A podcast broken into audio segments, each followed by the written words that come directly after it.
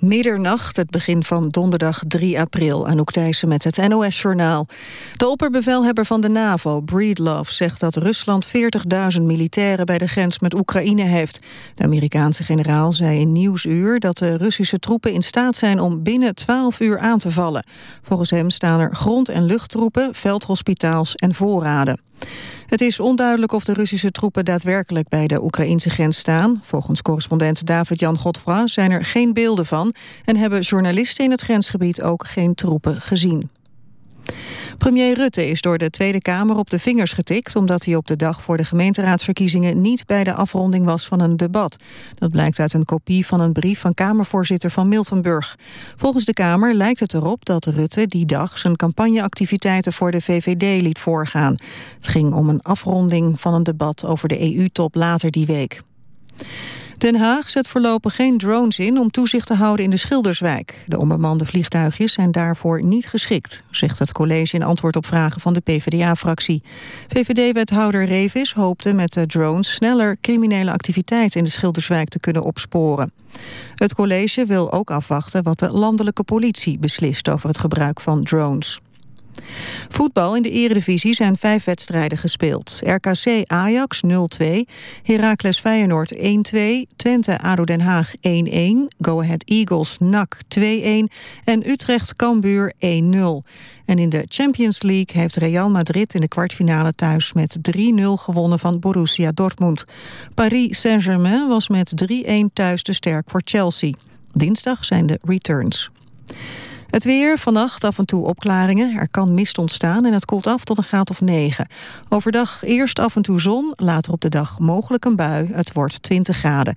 En vanaf vrijdag neemt de kans op buien toe en wordt het minder zacht. In het weekend is het 17 graden, met vooral zondag een grotere kans op regen. Dit was het NOS Journaal. Radio 1. VPRO. Nooit meer slapen.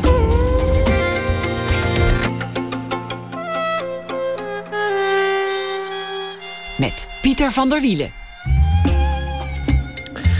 Goedenacht en welkom bij Nooit meer slapen. Straks na één uur krijgt u een verhaal van Erik-Jan Harmens. Hij schrijft deze week elke dag een verhaal voor ons.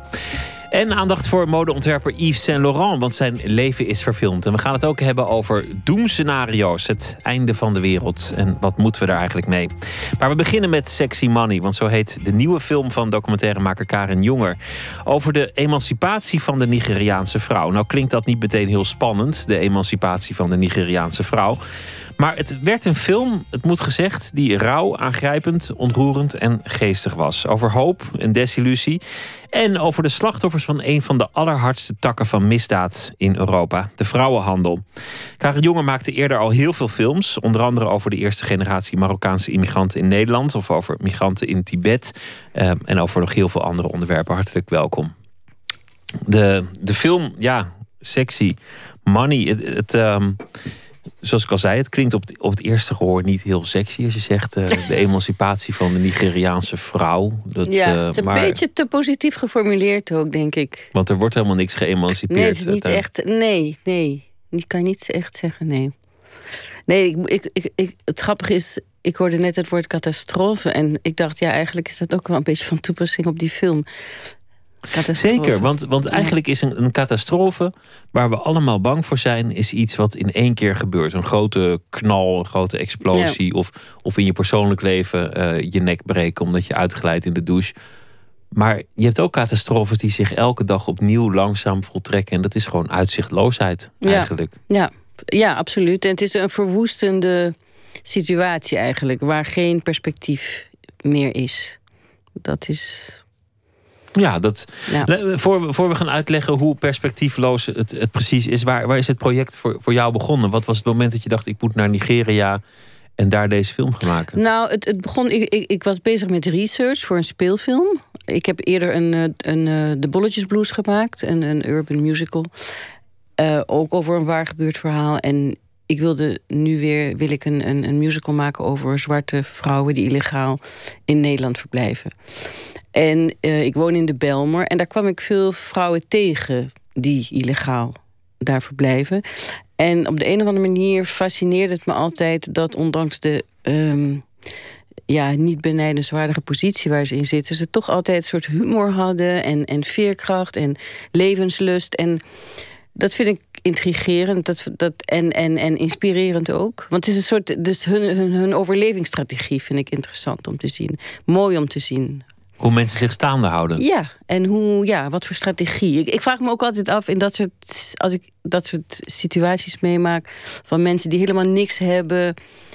Ehm, ja, hoe zou ik dat dan doen? Weet je, bijvoorbeeld een kind opvoeden of, of, of plezier hebben of ja, er moet, er moet eigenlijk een, een, een, wortel aan, aan de hengel hangen. Of, of, of een stuk vlees waar je achteraan blijft ja. rennen als een soort polhond. En, en dat is meestal toch een droom of een visie of een gedachte. Ja. Maar dat is ook precies wat je uiteindelijk zal verraden. Want, want die dromen, daar, daarachter schuilt de desillusie. En daar word je ook precies belazerd. Ja, en de gekke is toch dat, dat ze iedere keer weer opnieuw een droom fabriceren. Op de een of andere manier.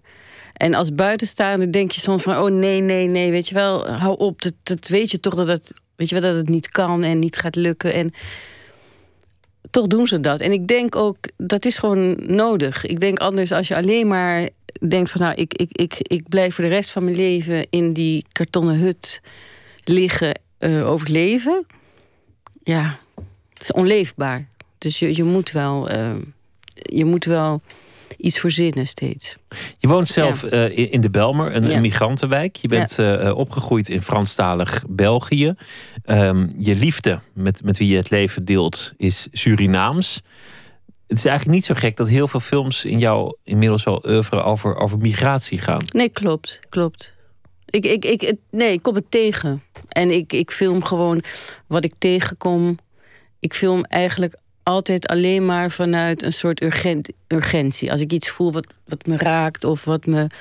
Dan, dan ga ik een film maken. Zo ontstaat het. En omdat ik er tussen leef. Ja, misschien. Kijk, als ik in, in, in, in, in weet ik veel, Silicon Valley zou. dan was je gefascineerd door, door computers nee, nee, maar en succes. zou andere dingen tegenkomen natuurlijk ook. Ik bedoel, dit maar, is maar wat is fascinerend aan, aan migratie? Ja, nou ja, ik vind sowieso de positie van een buitenstaander in een samenleving vind ik interessant. Dat je niet ergens bij hoort. En ik vind ook interessant um, dat gevecht. Ik bedoel, kijk, de meeste Nederlanders die hier geboren zijn en hier opgroeien, die zijn, beseffen dat denk ik niet eens, maar zo beschermd. Gewoon door hun familie, door de verzekeringen, door de sociale vangnetten, door. Ik bedoel, het is een heel comfortabel bestaan. Ook misschien wel saai en benauwend en met allerlei beperkingen, maar het is wel. Eh, er, er dreigen niet zo heel veel gevaren. En, en migranten wel, want die kunnen ziek worden zonder verzekerd te zijn. Die kunnen eh, uh, geen eten hebben, geen dak boven hun hoofd, noem maar op. En dat is ook heel interessant. Ik bedoel, om te kijken, dat is drama ook, van hoe knok je in die situatie om, om, om te leven. Dan moet je het gaan waarmaken. Er is, er is een, een uh, klassieke filmregel voor elke, elke maker die zegt show, don't tell. Dus, dus waarom zou je het in een voice-over zetten als je het gewoon kunt filmen? Wat, mm. wat ik echt ontzettend knap vond in deze film is, is dat je op hele intieme, belangrijke momenten bij jouw uh, hoofdpersonen, die Nigeriaanse vrouwen, die, ja, die worstelen en die allemaal uiteindelijk op een zeker moment ten prooi vallen aan vrouwenhandelaren, maar dat op een aantal belangrijke momenten je er bovenop staat met die camera en het voor je ogen ziet gebeuren. Bijvoorbeeld een, een meisje dat naar school gaat, die het goed doet op school, die goed kan leren, die ijverig en, en uh, gemotiveerd is. Maar je ziet al aan de ogen van het meisje dat ze, dat ze een, een oogziekte heeft, dat ze, dat ze blind aan het worden is. De juf zegt: Ik kan jou niet meer in mijn klas hebben als je niet lenzen gaat halen, als je niet naar de dokter gaat. En zij antwoordt: Mijn moeder vindt mij al duur genoeg. Ja. Einde schoolcarrière. Ja, zo hard is het. Ja. En, maar wel terwijl de camera loopt. Hoe, hoe, heb je, hoe heb je die mensen zover gekregen om jou overal toe te laten. Ik ben gewoon heel aardig. nee, en ik heb heel veel tijd genomen. Ik bedoel, ik ben acht keer geweest daar. En ik heb veel tijd genomen, veel tijd doorgebracht. En ik had met Janet wel een klik, bijvoorbeeld de moeder van het meisje. Dus zij liet me eigenlijk al heel snel toe. Ja, in haar huis, in haar leven, bij die dochter. Ja. Hij vertelde veel, ja. Hoe is het begonnen? Want, want het, het, ging via een soort project. Ja. Je bent er naartoe gegaan en Ja, toen ben je- ja. heb je kennis gemaakt. Ja, precies. Er was dus een project, eh, Lady Mechanic Initiative. En dat is een eh, zogenaamde NGO. Die ook mede uit Nederland gefinancierd wordt. En eh, dat is een mevrouw die een garage heeft opgericht. En die zegt alle kansarme meisjes en prostituees, ex-prostituees. Die kan ik hier een omscholing aanbieden tot automonteur. En dan hoeven ze nooit meer eh, zich te prostitueren. En dan hebben ze een prachtig bestaan. Nou, leuk idee en een heel eh, politiek correct idee. En, en, en een idee wat ook eh, op een bepaalde manier sexy is, zeg maar. Weet je wel, dat staat leuk, al die meisjes in die blauwe Het is geëmancipeerd ook vrouwen Ja, die het is helemaal, worden. ja, ja, precies. Dus daar kregen er allemaal geld voor. Maar, maar, maar het bleek dat uiteindelijk die meisjes nauwelijks een opleiding kregen. En het bleek dat het geld, de toelage die ze zouden moeten krijgen van die mevrouw, dat die mevrouw dat in eigen zak stopte. Dus uiteindelijk was het precies hetzelfde als wat er in Europa gebeurde, herhaalde zich in dat project. Dat bedoeld was om ze te redden. Want veel van die vrouwen waren al in Europa Ja. geweest met een grote belofte: eh, kom naar Europa, dan ga je werken. ja. En vaak tegen beter weten in, want het werd natuurlijk gewoon prostitutie eh, in, in Italië. Daar komen we straks nog wel over te spreken. In Nederland ook hoor. En in, in Nederland ook, ja. En uiteindelijk, nou ja, heb, heb je dan een project dat zegt, nou, ik heb een betere toekomst in Nigeria, automonteur. Was jij, was jij van plan om een positieve film te maken? Was dat het eerste idee? Ja, want ik- de eerste keer dat ik daar was, ik had erover gelezen en ik dacht, goh, nou, interessant, leuk. Misschien een leuke gelegenheid om een vrolijke film te maken over die vrouwen in plaats van een sombere. nou ja, en dus ik kwam daar en het was allemaal geweldig. En ik vond het wel een rare mevrouw. Maar ik dacht, nou ja, goed, misschien is ze raar, maar bedoelt ze het goed en wie weet. En ze had de eerste keer toen ik daar was echt geanceneerd. Dat, dat ze les gaf en dat ze eh, een meisje geld gaf en dat soort dingen. En toen was ik terug in Nederland. En toen werd ik gebeld door eh, mijn fixer. Dat is de man die mij daar begeleidde. En die eh, op mijn verzoek ook contact hield met Janet bijvoorbeeld, als ik er niet was. En hij belde me op en hij zei: Nou, ik heb een heel raar verhaal gehoord van Janet. Dat, ze, dat het allemaal helemaal niet waar is. En nou, toen ben ik weer teruggegaan en heb met heel veel vrouwen gesproken. En het bleek eigenlijk een kopie van de situatie in Europa. Waar ze dus al het geld moeten afstaan aan een madame. En worden, eigenlijk worden gebruikt, misbruikt. Want in Europa, ja. ja. de, de belofte is kom naar Europa en eh, we gaan, je gaat goed geld verdienen. Ja.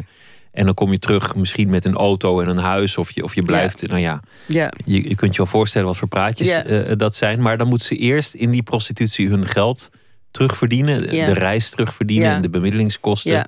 En dat is natuurlijk allemaal bullshit. Want ik bedoel, een reis kost eh, nou ja, 1000 euro eh, of 1500 euro.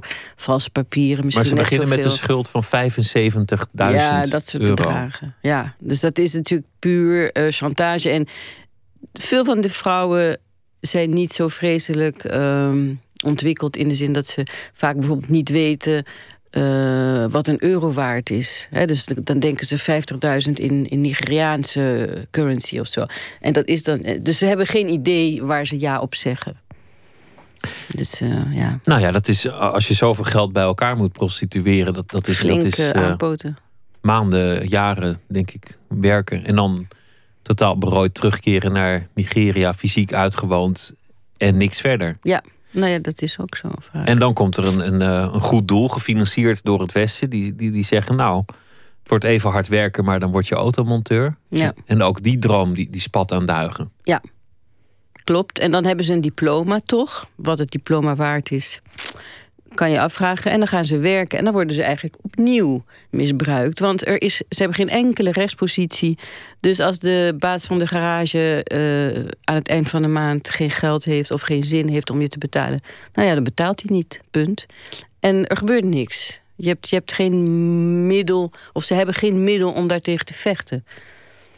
En ja, het is, het is eh, wat dat betreft vrij hopeloos. Ja, en dan, dan noemde ik al de, de goede leerling met de slechte ogen, die, eh, Ja. die dus moet stoppen met, met onderwijs vanwege, vanwege de oogaandoening. Die wordt ook nog zwanger van, van een ja, fout vriendje, zou je kunnen zeggen. Dat, dat is wel vrij duidelijk dat dat niet een man wordt die achterblijft om de kinderen te verzorgen. Daar lijkt het niet op, nee. Nee. Nee. Desalniettemin, en, dat is, en de- nu wordt het echt knap, want je denkt, nou ja, oké, een, een tranentrekker. Dit is Treurig, eh, ja. eh, schat, we gaan op zaterdag naar de bioscoop. Het wordt zo leuk. We, we krijgen totaal de, de troosteloosheid van het bestaan in Nigeria te zien. Maar het is een vrolijke film. Ja, dat is, dat is ook mijn fascinatie. En dat is ook wat ik heb geprobeerd te doen in de film, ook met de muziek. Daarom wilde ik ook muziek in de film, speciaal voor de film gemaakt. En eh, met teksten van de vrouwen zelf. En die ze ook zelf zingen, met een bekende Nigeriaanse singer-songwriter. Ja, omdat dat, dat blijft overeind. Ik bedoel, nog steeds, ik, ik, ik zit op Facebook met eh, vrouwen daar.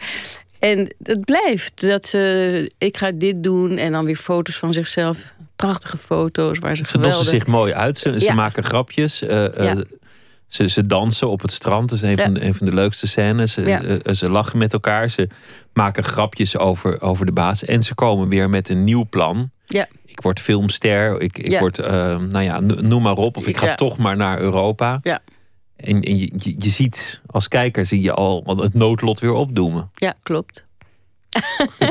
Zullen, zullen we luisteren naar de muziek die je gekozen hebt? Want dat is eh, ehm, ook interessant. Het is eh, muziek van de Duits-Nigeriaanse zangeres Neka Lucia Ekbuna. Wie is zij? Eh, nou ja, zij is een, een, een, een groot talent in Nigeria. Eh, ze is ook al in eh, Nederland een paar keer opgetreden. Paradiso, Paard van Troje. Ook in Amerika. Dus ze heeft een carrière... Eigenlijk in eerste instantie vooral in het buitenland en minder in Nigeria.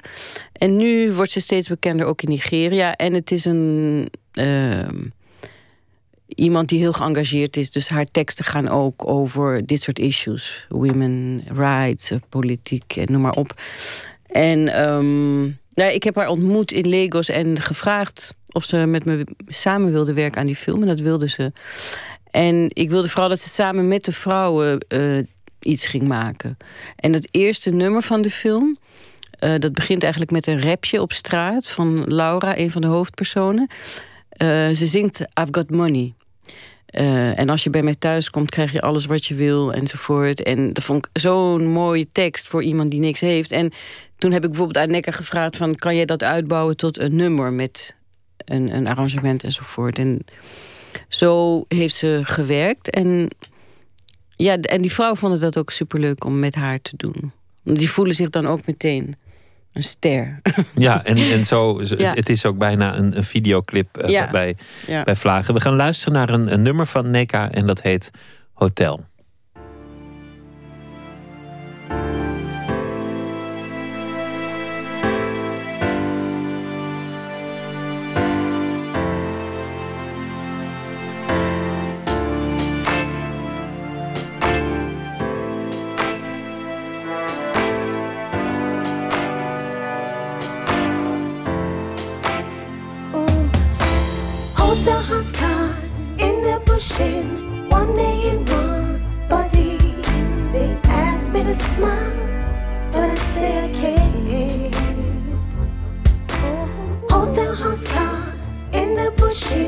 one day in one. They me to smile, but I I can't. The life of a hustler, the life of a gambler. My struggle as a mother, my anguish as a daughter. Suffering in silence, maintaining all your violence. Your deception lies. Oh, confront me with your eyes. For I must strive to be alive. Oh, this is Africa. Well, nothing is for free. If our leaders won't help us, what else is there for us? Let it be these, them, those violent peacemakers, militant love soldiers, corrupt one again Christians, hypocritical five times a day praying Muslims. But I refuse to be the cross of another man. And I refuse as a woman to become a man. Your Jezebel, your prostitute, your whore, your strap, your mother, your sister, oh, your whatever. Oh, I must strive to be like TIA, TIA. Hotel house cars in the bush in one day in one body. They ask me to smile, but I say I can't. Hotel house car in the bush in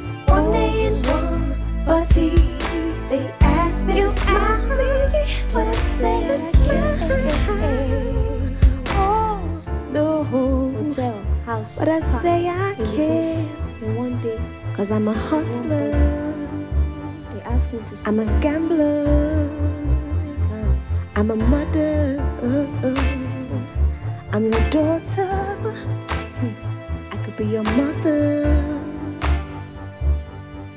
Respect. Oh, Hotel house down in the bushes. One day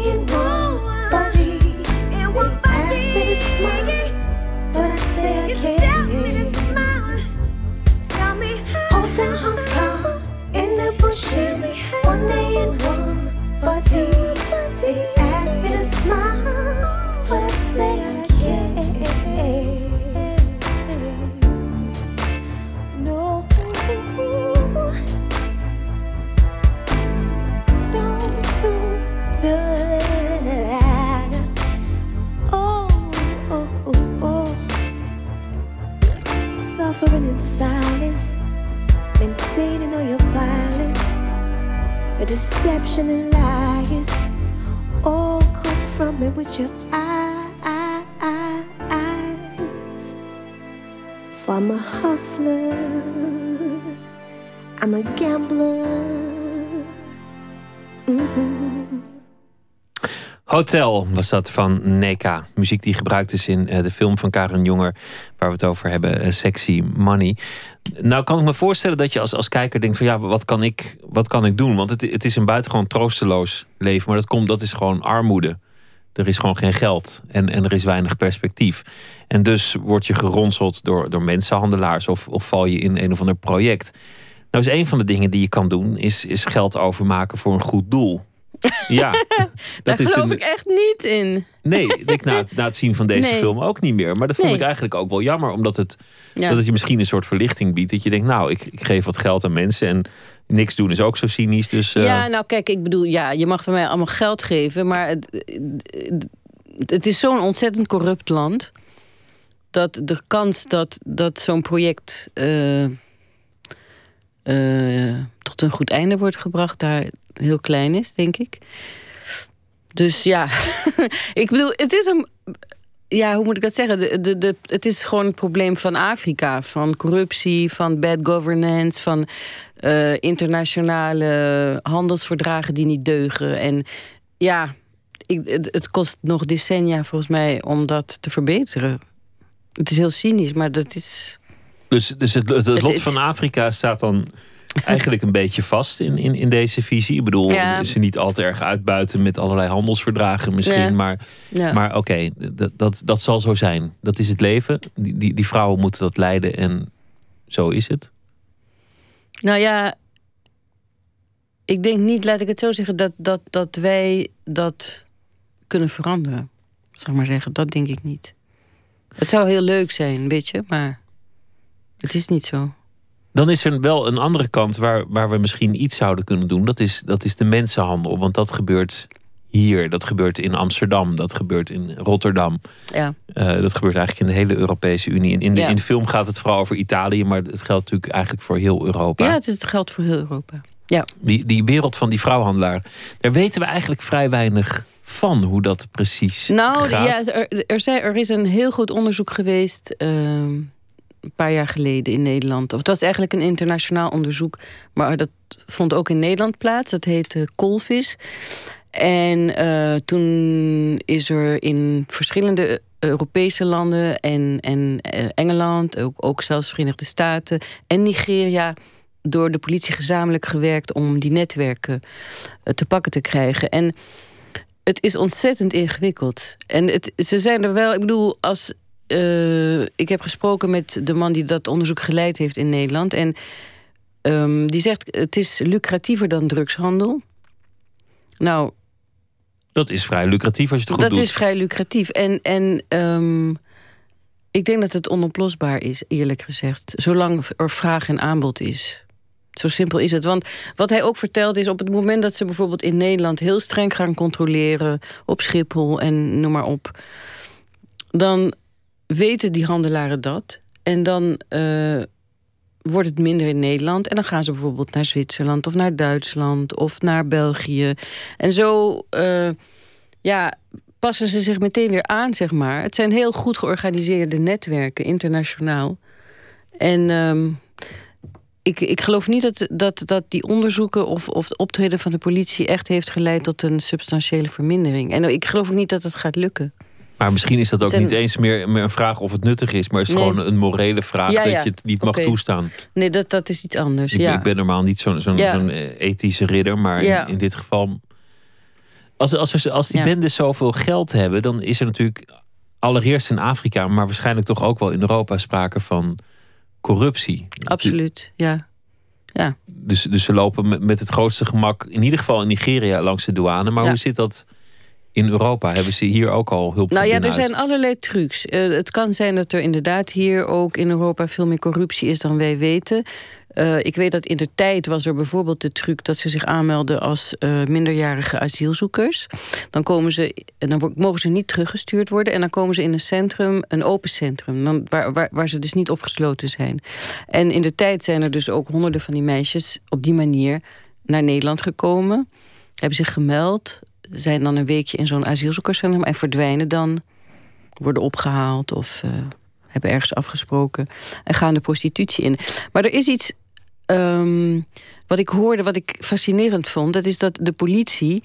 Uh, net als wat jij nu zegt, zoiets had van wij moeten, al was het maar uh, uit morele principes, die vrouwen redden uit de handen van die mensenhandelaren. Maar die vrouwen wilden dat helemaal niet. Die vrouwen die, die, die, die dachten, wij komen hier voor business. Wij komen hier om geld te verdienen. Dus fuck jouw politie, Nederlandse politie. We hebben helemaal geen zin om opgepakt te worden... en beschermd te worden en teruggestuurd te worden naar Nigeria. We willen geld verdienen. En ze hebben bijvoorbeeld soms... Uh, maar dat geld gaan ze helemaal niet verdienen. Nee, maar dat denken ze. En, en, en, en, en er, ik, ik, ik hoorde verhalen van vrouwen die dan opgepakt waren... Um, en dan geplaatst in een of ander soort van blijf van lijfhuis. Uh, en die dan toegesproken worden door de politie van jullie zijn hier voor je eigen bestwil en we gaan jullie beschermen. En dat die vrouwen echt de ramen stuk maakt om weg te komen. Want voor die vrouwen is het geen, ook geen aantrekkelijk alternatief, snap je? Ik bedoel, dan gaan ze terug met lege handen naar Nigeria.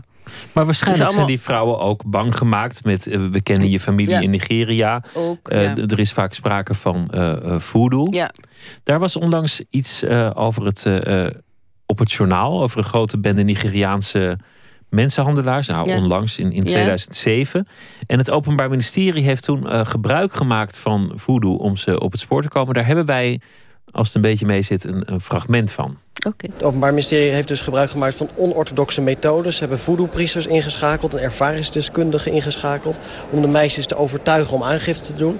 Waarom mocht dat wel volgens de rechter? Het is uh, bekend dat deze meisjes uh, helemaal niet bereid waren om verklaringen af te leggen... onder invloed van de voodoo die zij in Nigeria zouden hebben doorgemaakt...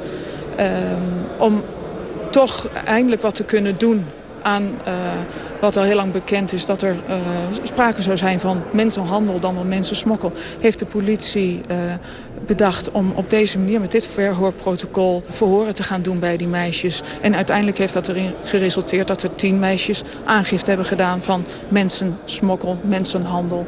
Ja. Een onorthodoxe methode. Ja. Hoe zit dat met, met die voodoo? Hoe werkt dat? Uh, nou ja, goed, ze moeten dan uh, een eet afleggen als ze in Nigeria zijn. Dat is overigens iets wat heel gebruikelijk is in Nigeria. Ook voor andere zakelijke transacties, als je een huis koopt of wat dan ook. Maar in ieder geval, ze moeten dan uh, schaamhaar afstaan... en, en haar van okselhaar en nagels en haar en, en slipje en BH. Dat soort hele intieme dingen van jezelf. En dan... Um, moeten ze beloven dat ze uh, zullen gehoorzamen en het geld zullen betalen en nooit iets vertellen aan wie dan ook. En want anders dan gebeuren er hele vreselijke dingen met ze. Dus dat, dat is een, een soort ritueel wat ze vaak doen voordat ze naar Europa vertrekken. Maar er is een, een ander punt dat speelt in Europa. En dat is dat de vrouwen, als ze hier opgepakt worden dan mogen ze hier alleen maar blijven als ze meedoen aan een justitieel onderzoek. En, en, en um, zodra dat onderzoek afgelopen is, of het, het proces, dan wordt het teruggestuurd. Dus dat, en dat is een vrij onaantrekkelijk aanbod, want dan zijn ze echt vogelvrij, dan hebben ze geen cent. En dan zitten ze al die tijd in een soort van blijf van mijn lijfhuis uh, hier in Nederland, uh, soort van opgesloten. Dat is, een, dat is een, een belangrijk probleem dat uh, zeg maar, de Nederlandse justitie heeft ze nodig om een rechtszaak te beginnen. Maar biedt ze eigenlijk weinig in, in ruil daarvoor. Maar ja, elke optie is uiteindelijk treurig. Blijven werken betekent nooit geld zien en, en letterlijk uitgewoond te worden. Fysiek ja. door de mangel te worden gehaald. En dan, dan ook als een fysiek wrak uiteindelijk toch terug te gaan zonder geld. Mhm. of, of in een blijf van mijn lijfhuis en dan uiteindelijk ook uh, zonder geld teruggestuurd worden. Er, er, is eigenlijk geen mooie oplossing. Nee, dat ben ik met je eens. ja. Nee, die is er niet. Die is er echt niet. Hoe is het om, om zo'n film te maken? Want heel veel filmmakers die, die, die um, moraliseren of die zien toch wel een hoop. Of die, die, die, die reiken in ieder geval een scenario aan van geef geld. Of die hebben een soort betrokkenheid. Maar jij, jij lijkt een zekere distantie tot het onderwerp te hebben Ja, nou ja, ik geloof niet in een eenvoudige oplossing. Maar je gelooft helemaal niet in een oplossing volgens mij. Nou ja, ik geloof alleen in een lange termijn oplossing. En dat is dan echt een oplossing... Uh, ja, dan moet die samenleving daar veranderen. Snap je? Dat is. Ik bedoel, op het moment dat mensen het zo slecht hebben dat ze bereid zijn om naar Europa terug te keren nadat ze daar eerst zijn mishandeld en uitgebuit.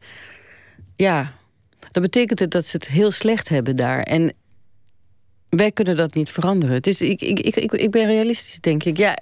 En, maar wat is het dan uiteindelijk waarom, waarom het daar zo slecht is? Wat is er in essentie mis in zo'n samenleving waarom het ook eigenlijk helemaal niet van de grond komt?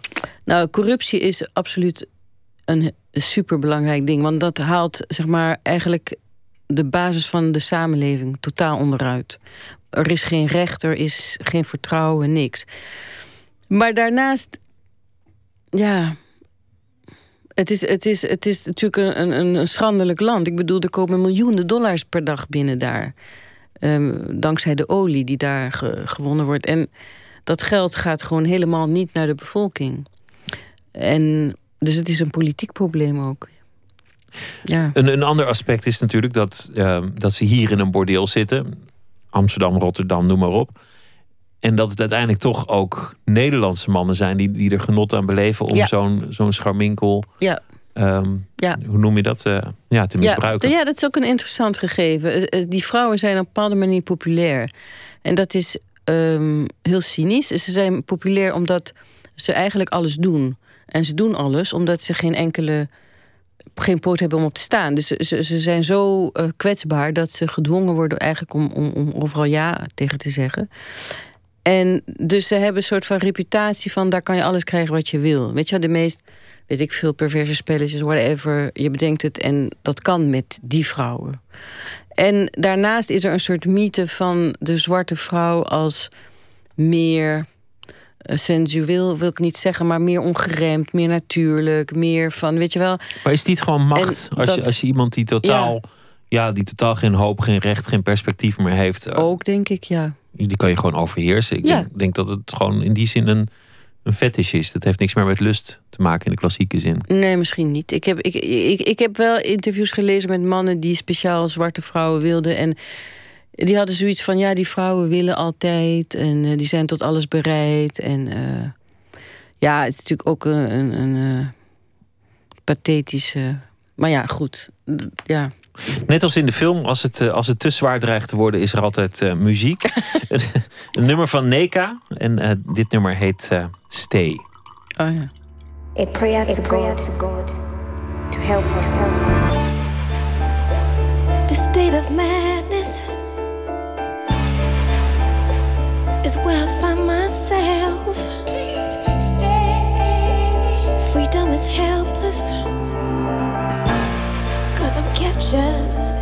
Within myself. It's all in my mind. The illusion. Without your presence, don't count. But it's a lie.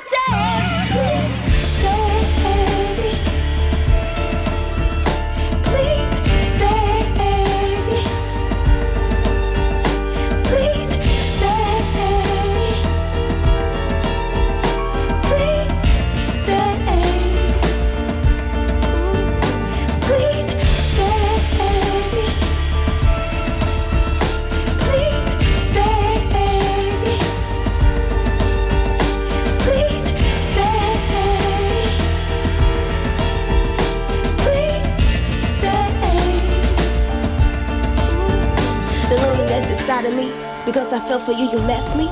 It's what I love and I hate so much. This life of which I've lost and I've gained as such. The music, the fame, the evil, the shame, the changes, the results, the aggression, the insults. Still I wait, I try to exercise the patience. And get too late, I cry for you to see my conscience. Who'll be there when you left me loaded? I believe in your words, cause in my first and my last say it to try and say it to test. I need to understand to overcome the rest. There's so many rivers to cross, too many things to see, so much pain to be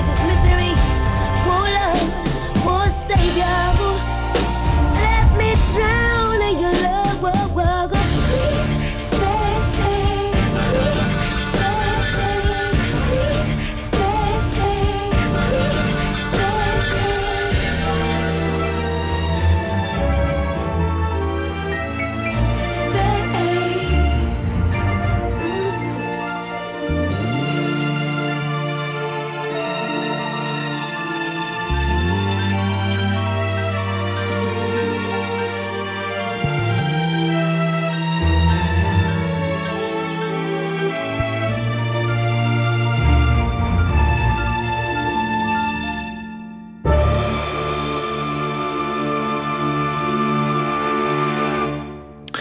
Neka Stee uit eh, Nigeria, gebruikt in de film van eh, Karin Jonger.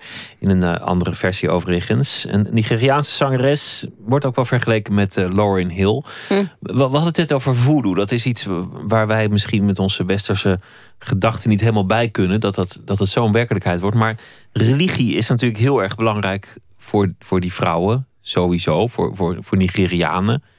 Sowieso. Dat is, Mhm. dat is in wezen een, een, een betoverde wereld Ja, waarin zij zitten. Maar je Ja. moet er ook niet aan denken dat die wereld zo ontoverd zou zijn als die van veel mensen hier. Want dan, ja, het houdt je ook, nou, dan houd je ook maar eh, gaande. Hè? Dan is er in ieder geval nog een hiernamaals waar het misschien wel deugt. Ja, nee, precies. Maar ik denk ook dat ehm, het niet voor niets is dat iedereen daar in God blijft geloven. Eh, je moet iets hebben. Het is echt, als je ziet hoe mensen daar bidden, dat is ook van een heftigheid. En, en, en eh, ja, dat is, doet pijn om naar te kijken. Mensen gaan gewoon liggen op de grond, smeken of met hun hoofd tegen muur eh, rammen. En ja, het is eh, smeken, smeken om hulp en zo. En dat is, ja, ik weet niet of dat. of- Of je daar blij mee moet zijn. Het is gewoon pure wanhoop. Dus die ontkerkelijking hier, die kun je eigenlijk verklaren aan het feit dat wij dat we het gewoon goed genoeg hebben. Ik denk het wel. Voor zover die Voor een ontkerkelijking deel, ja. er eigenlijk is hoor. Want er zijn natuurlijk nog heel veel mensen die wel gewoon eh, geloven. In, in al jouw films lijkt het een soort streven te zijn om het niet larmoyant te maken, om de emoties niet al te eh, heftig te maken en om, om ook altijd ja, een zekere nonchalance er, erin te houden. Ik vind ook, ja, maar dat is misschien ook mijn levenshouding. Of dat is iets wat ik ehm, graag wil. En, en, en, en hoop voor mensen ook dat ze niet helemaal verzuipen in, in, in hun problemen. Maar gewoon altijd nog lol houden en lichtpuntjes zien. En altijd blijven vechten om, om, om toch eh, een oplossing te vinden. Het is ook wel eens eh, de- door mensen als kritiek geuit op, op jouw films. Van, van eh, ze durfde het nergens aan om, om, het, om het echt heftig te maken. Of ze ging, ze ging de, de diepste emoties uit de weg. Is dat zo? Ja, ik weet niet. Ja, mensen hebben altijd wel ja, iets hoor. ja, Maar ja. Nee, oké. Ja, pff, ik, ik weet het niet. Ik, ik vind het niet interessant om alleen maar te huilen, zeg maar. Mhm. Weet je wel? Het is, het is een onderdeel. En ik geloof dat deze film niet de problemen uit de weg gaat. Maar het is. Het is ik, dat vind ik zo op een gegeven moment zo constaterend en zo oninspirerend. En het, ik bedoel, er wordt gehuild en er wordt geklaagd en er, er is pijn. Maar godzijdank is er ook eh, een reactie daarop. Een gevecht. Want en dat, dat is eigenlijk het interessante. Dat mensen, nou ja, ehm neergeslagen, belazerd zijn. En dan uiteindelijk komen ze toch wel weer met een nieuw plan en een Ja. nieuwe droom. En Ja. Of ze hebben toch weer pret. Of Ja. ze staan grapjes te maken over hun baas. Absoluut. Ja. Uite- uiteindelijk gaat het over, over drijfveren. ja. Een van jouw andere films ging over de eerste generatie ehm, Marokkaanse Ja. immigranten in Nederland. Ja. Dat is eigenlijk een film over een geslaagde migratie. Klopt, ja. Hoe, ja. hoe hard we nou ook allemaal met de hele dag horen dat het een niet geslaagde migratie is, maar ze zijn niet teruggestuurd. Om, om maar eens wat te noemen. Ja, klopt. Nou ja, ik denk ehm, de meeste Marokkanen zijn geslaagd. in. Ik vind het gewoon ook zo bizar eh, sowieso om te doen alsof de Marokkanen het grootste probleem van Nederland vormen. Alsof we geen andere problemen hebben die veel belangrijker, groter en urgenter zijn. Sowieso. Eh, dus ik vind zeg maar, het volstrekt buiten iedere proportie, zoals er over gesproken wordt. En die migratie is wel ook pijnlijk geweest voor mensen. Ik denk dat mensen grote offers altijd moeten doen als ze migreren. Dus je verliest veel. Je verliest veel familie. Het, eh, hoe zeg je dat? Het is verwoestend op, op, op, op liefdesrelaties, op, op intieme relaties van mensen. Maar natuurlijk kan het slagen. En ik denk ehm, ja, dat dat heel hoopvol is in ieder geval. Wat ik, wat ik daar interessant aan vond, was, was dat je die eerste generatie vrij makkelijk in tranen kreeg met, met een, cassettebandje Ja. uit, het, uit het vaderland. Iemand Ja. die een soort gebed opzei. Ja, Van, nou, ik hoop dat je het goed krijgt daar. Ik hoop dat je ons niet zult vergeten. ja. Eh, mensen die terugkeerden daar met, met heel veel sentiment. En, en, en zich echt losgesneden voelden. Maar de grootste pijn was misschien wel dat de jongste generatie dat helemaal niet meer zo had. En eigenlijk veel meer aan Nederland gehecht was dan, dan dat ze nog iets met dat Marokko hadden. Ja, maar dat is ook logisch. Ja, en, en, en wenselijk. Ja, maar het is, het, is Ja. toch, het is toch heel interessant om dat Ja, te zien. En om dat daadwerkelijk die confrontatie tussen die generaties op, op camera te krijgen. ja. Maar, maar migratie is, is, is ehm, voor mensen die dat doen, en ik zie het bij mijn man ook bijvoorbeeld, het is, het is natuurlijk toch verscheurend. Je laat zoveel achter, zoveel essentiële, fundamentele dingen. Je moeder, je kinderen, je vrouw. Weet je wel, het is, het is eh, denk ik voor veel mensen niet voor te stellen hoe, hoe pijnlijk het is. En hoeveel, hoe sterk je moet zijn om dan weer helemaal vanaf niks een, een leven op te bouwen. En niet alleen te leven, te verdienen, maar een sociaal leven, een gezinsleven, wat, wat soort van een nieuw evenwicht vindt en, en, en eh, identiteit. En, en ook om in een cultuur te zijn die, die je nooit helemaal zult begrijpen. Hoe hard je ook je best doet. Er zijn natuurlijk altijd kleine gebruiken die je niet helemaal snapt. Of, of eh, hapjes die je niet lust. Of, of misschien dat het voor de eerste generatie in de taal toch altijd wat stroever blijft. Ja, maar ik denk wel dat dat een kwestie van een paar generaties is. Toch? Denk ik wel.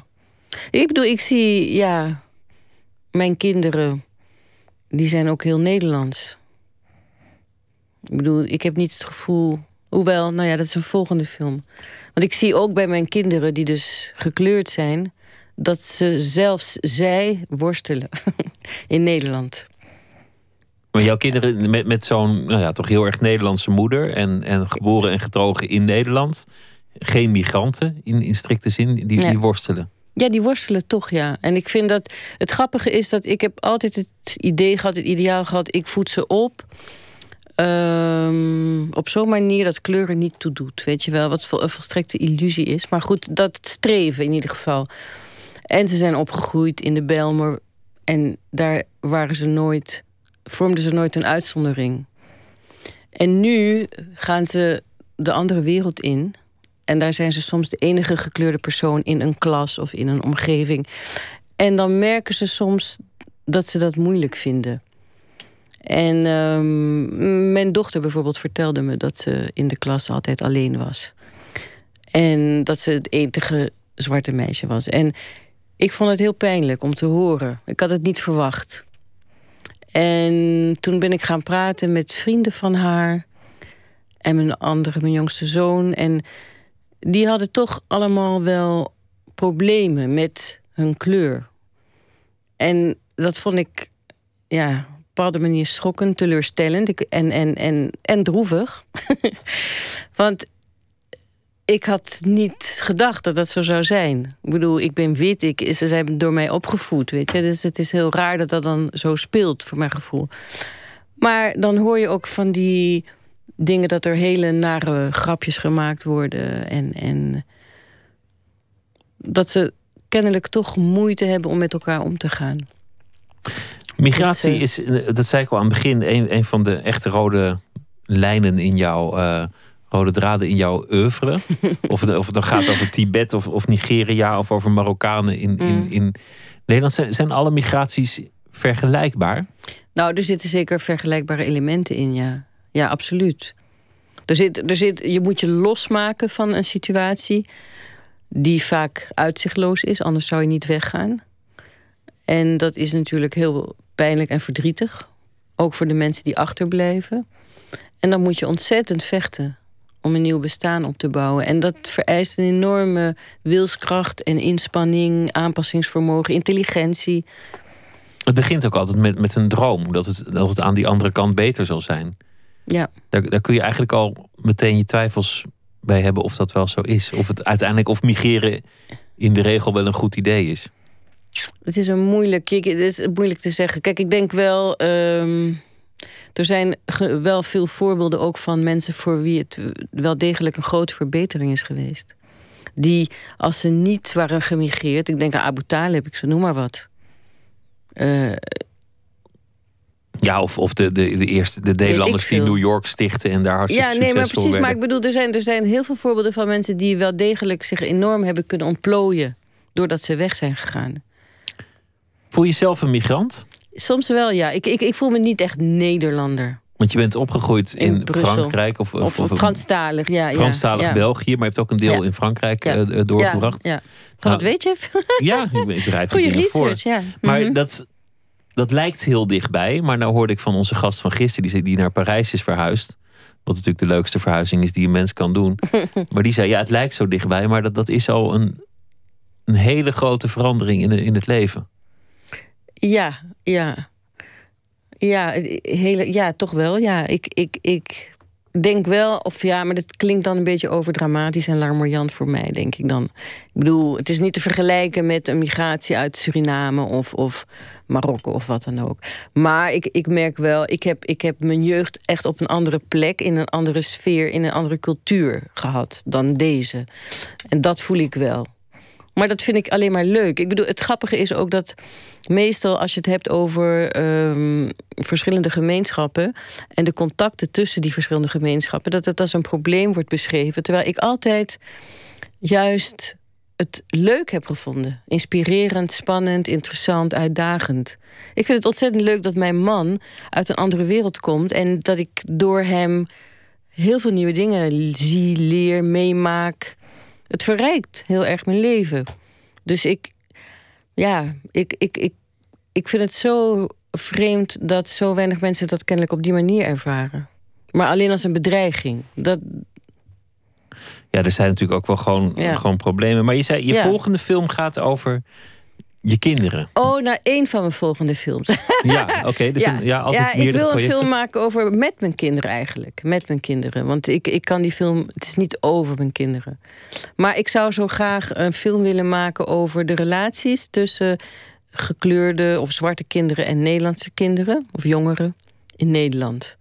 Het grappige is dat um, ook die hele Zwarte Piet-discussie die er geweest is... zo, zo absurd is ontaard. En in, in enorme agressieve reacties, zeg maar. Vanuit... Van ze nemen ons iets af, onze traditie. Ja, maar ja, ja. Die angst en, en, en, en ook die kortzichtigheid. En, en die, vond ik. Maar um, het is interessant omdat het toch staat voor iets... iets en dat is denk ik dat de zwarte gemeenschap uh, zich aan het emanciperen is en assertiever wordt. En gewoon zegt van ja, weet je, we hebben hier geen zin meer in. Dit is ook ons land. Want dat was natuurlijk het pijnlijke in die discussie. Dat het ging over onze traditie in ons land. Terwijl ons land is niet alleen van de blanken. Nee, dat, is helaas moeilijk niet meer om aan te wennen voor sommigen. Maar... Ja, nee, het is gewoon zo. Het, en, en, en het verandert. Het zal nooit meer zo worden ook. En, en, en ik vind het, heel, het beroep op het feit dat het een oude traditie is, vind ik zo absurd. Want we hebben zoveel tradities die we overboord hebben gegooid omdat we ze niet meer goed vonden. Gelukkig. We, kunnen veranderen. En er is dus- ook dus, een tijd dus- geweest dat het geen traditie was. Dus is nog een vrij recente ja, traditie ja, dus eigenlijk. het is, het is, het is op zich... En, en überhaupt, ook, het is nooit een rechtvaardiging dat iets lang bestaat. Iets, iets ontleent zijn waarde niet aan het feit dat het al heel lang er is. Weet je wel? Een meisjesbesnijdenis bestaat ook al heel erg lang. En niemand vindt dat het moet blijven. Althans, de meeste mensen gelukkig niet. Ja. Migratie is fascinerend omdat het gaat over menselijke drijfveren uiteindelijk. Ja, Omdat ja, het gaat over ja. hoe hou je staande in het leven. Je hebt een droom nodig als, als een stuk vlees aan die hengel. Als een, als een polhond die ergens achteraan moet blijven rennen. En vaak wordt het dan de droom dat het elders bezig, beter wordt. Maar het levert, levert daar ook altijd weer gedoe op. Ja, is En op het zo. niveau van culturen eh, levert het altijd problemen op. Maar uiteindelijk ook bedrijvigheid en, en. Creativiteit en, en, Absoluut verrijking. creativiteit. Ja, ik bedoel, als je kijkt naar, naar kunst en, en, en cultuur, dan moet je er toch niet aan denken dat we overgeleverd zouden zijn alleen maar aan de West-Europeanen. Ik bedoel, er is zoveel te winnen, zoveel te ontdekken. Dus, en nou ja, dat is eh, alleen maar leuk. Toch? Deze film heb je, heb je ook zelf eh, gedraaid. Dat, dat Ja. vond ik ook eh, interessant. Eh, het, het camerawerk zelf gedaan. Kun jij, kun jij zomaar helemaal zelf bepalen van nu ga ik deze film maken? Of, of, of zit er eigenlijk een heel traject dat eraan vooraf gaat? Nou ja, bij iedere film moet je als regisseur in principe een producent zoeken en financiering zoeken. En dat betekent dat je een omroep ook eh committeert. Ik bedoel, je kan, je, het hoeft niet, maar dan moet je extreem low budget. En als je uitgebreid naar Nigeria wil gaan, is dat bijna niet te doen. Zeg maar. je, je- dus je hebt financiering nodig. En dat houdt in dat je allemaal mensen moet overtuigen en een filmplan moet schrijven. Dus dat, dat is altijd het lot van eh, de van, filmmaker. van de filmmaker. En, en je, begon, je begon eigenlijk vanuit dat, dat project van eh, vrouwen die, die eh, automonteur willen worden. En, en die hielp je aan de contacten. Maar dat project komt er niet zo heel goed vanaf in, in de film. Nee, klopt. Ja, kan ik niks aan doen. Nee, maar, maar ik, kan, me- ik kan me voorstellen dat dat moet boze telefoontjes hebben opgeleverd. Of, of, of een Ik heb kwaaie geen e-mail. enkel telefoontje nog ontvangen. Maar de film is nog niet uitgezonden, dus misschien komt dat nog. En, en de film is ook nog eh, in, in de bioscoop. Ja, die film gaat nu eerst de bioscoop in, dus misschien komt dat. En dan, ja, maar een van die vrouwen zei ook: Ik zou nooit aan mijn familie vertellen dat ik in de prostitutie werk. En die vertelt dat op camera. Dat, dat, vond- dat vond, ik, vond ik heel naïef eigenlijk. Ja, maar ik denk ook dat de film eh, wat dat betreft niet zomaar op televisie in Nigeria vertoond kan worden. Dat willen de vrouwen niet die ik heb gesproken. En dat zal ook niet gebeuren. Dus het zijn in die zin wel gescheiden werelden die niet Ja, uit zullen komen Ja. uiteindelijk. Hey, eh, hij gaat eh, morgen eh, in première, geloof ik. In verschillende Nederlandse bioscopen. En ik denk dat, dat het een aanrader is voor iedereen om, om hem te zien. Maar Sexy Money is de titel. We luisteren naar nog een nummer van, uit de film. Neka, wederom uit Nigeria. Stay heet het nummer. This is how you feel, the misery inside of you. Everything you do, I knew that you do.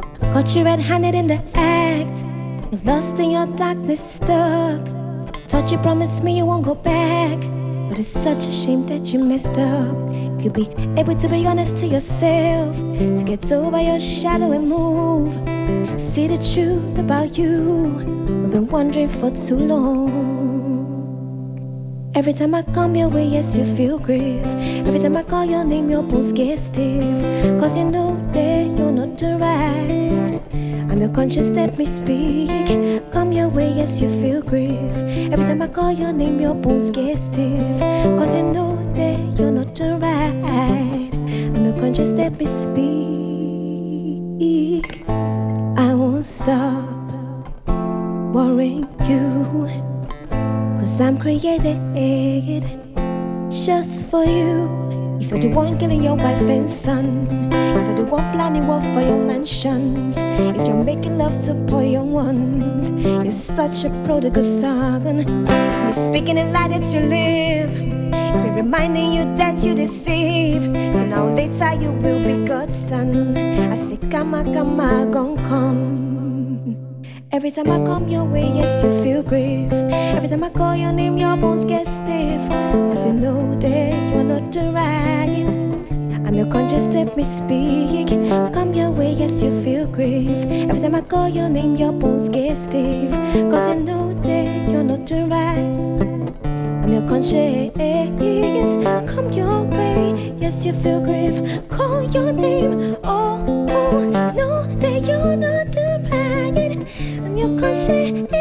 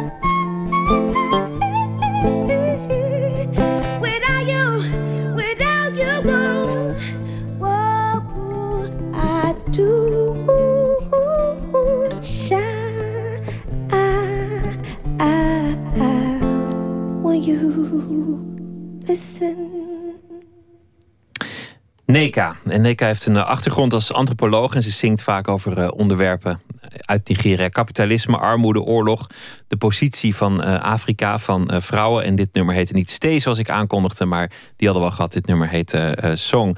Karen Jonger, we, zijn aan het, aan het einde gekomen. Ik, ik, ik ga toch een, ja, een beetje gedesillusioneerd. Want ik denk van ja, we kunnen niks doen eigenlijk. Afrika. Nou, ah, ja, maar wij kunnen niet zeg maar, Afrika veranderen. Dat moet Afrika zelf doen, toch? Het is, het is toch niet zo dat wij hier kunnen bedenken van... oké, Nee, wij gaan Nigeria even op orde brengen. maar het zal toch ergens moeten beginnen. Ja, maar dat, ik denk dat het daar moet beginnen. Ik, ik, ik denk dat het een illusie. Ik bedoel, als ik zeg van. Ik bedoel niet dat we niks moeten proberen of, of dat het nooit kan veranderen. Maar ik denk dat het een illusie is dat we met een paar projectjes dat de situatie daar kunnen veranderen. Ik denk dat het een illusie is dat wij de situatie daar kunnen veranderen. Hoe lullig dat ook is. Het zou Misschien leuk het, zijn als eh, het wel kon, maar... Misschien is het net zoals die Afrikaanse vrouwen die steeds aan nieuwe projecten begon, beginnen. Waarvan je denkt, nou ja, misschien wordt het niet zo'n succes, maar het houdt je op de been. Dat het, dat het eh, ook vanuit het Westen beter is om het wel te blijven proberen. Al kan je misschien zien aankomen dat het niet een enorm succes per definitie zal worden. Nou ja. Ik zeg niks. Ik, ik, ik weet niet. Ik denk, eh, het is gewoon een politiek, internationaal politiek probleem ook. En, en, en als je er wat aan wil doen, denk ik dat je op dat niveau actief moet zijn. De film draait vanaf morgen in eh, meerdere bioscopen. Sexy Money is de titel. Dankjewel dat je te gast wilde zijn. En eh, veel succes met alle volgende projecten. En zometeen is Nooit meer slapen terug met... nou ja, doemscenario's gaan we het over hebben. Nu krijgt een eh, verhaal van Erik Jan Harmens. En we praten met Thomas Lieske over zijn eh, nieuwe roman. Dat allemaal in het tweede uur van Nooit meer slapen. Graag tot zometeen.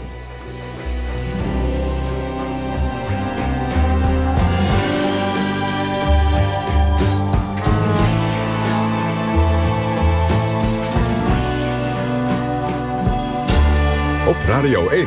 Het nieuws van alle kanten.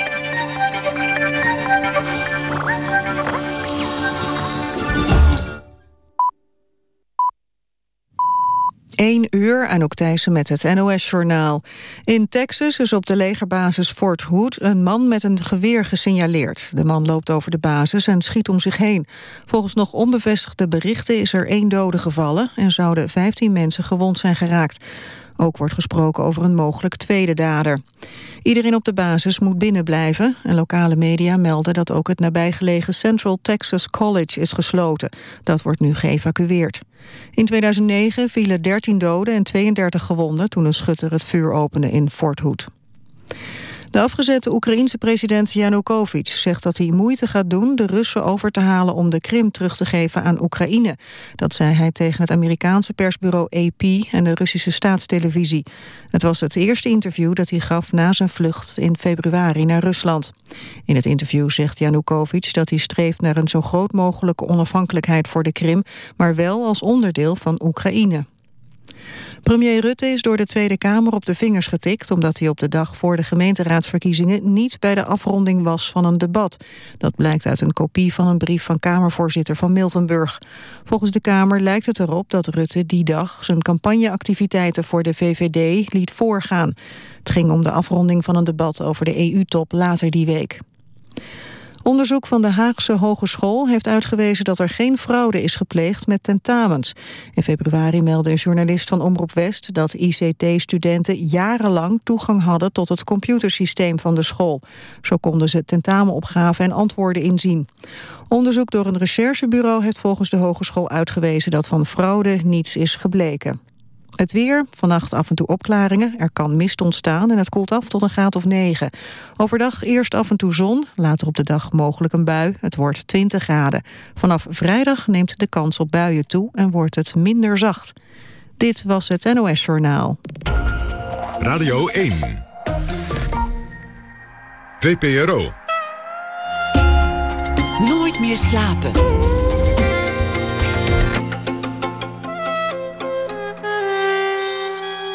Met Pieter van der Wielen.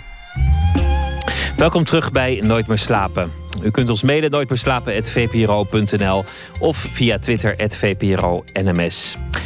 Dagelijks bellen wij met een schrijver of dichter om eh, hem te vragen zich te laten inspireren door iets dat die dag is gebeurd en daar een fictief verhaal over te schrijven.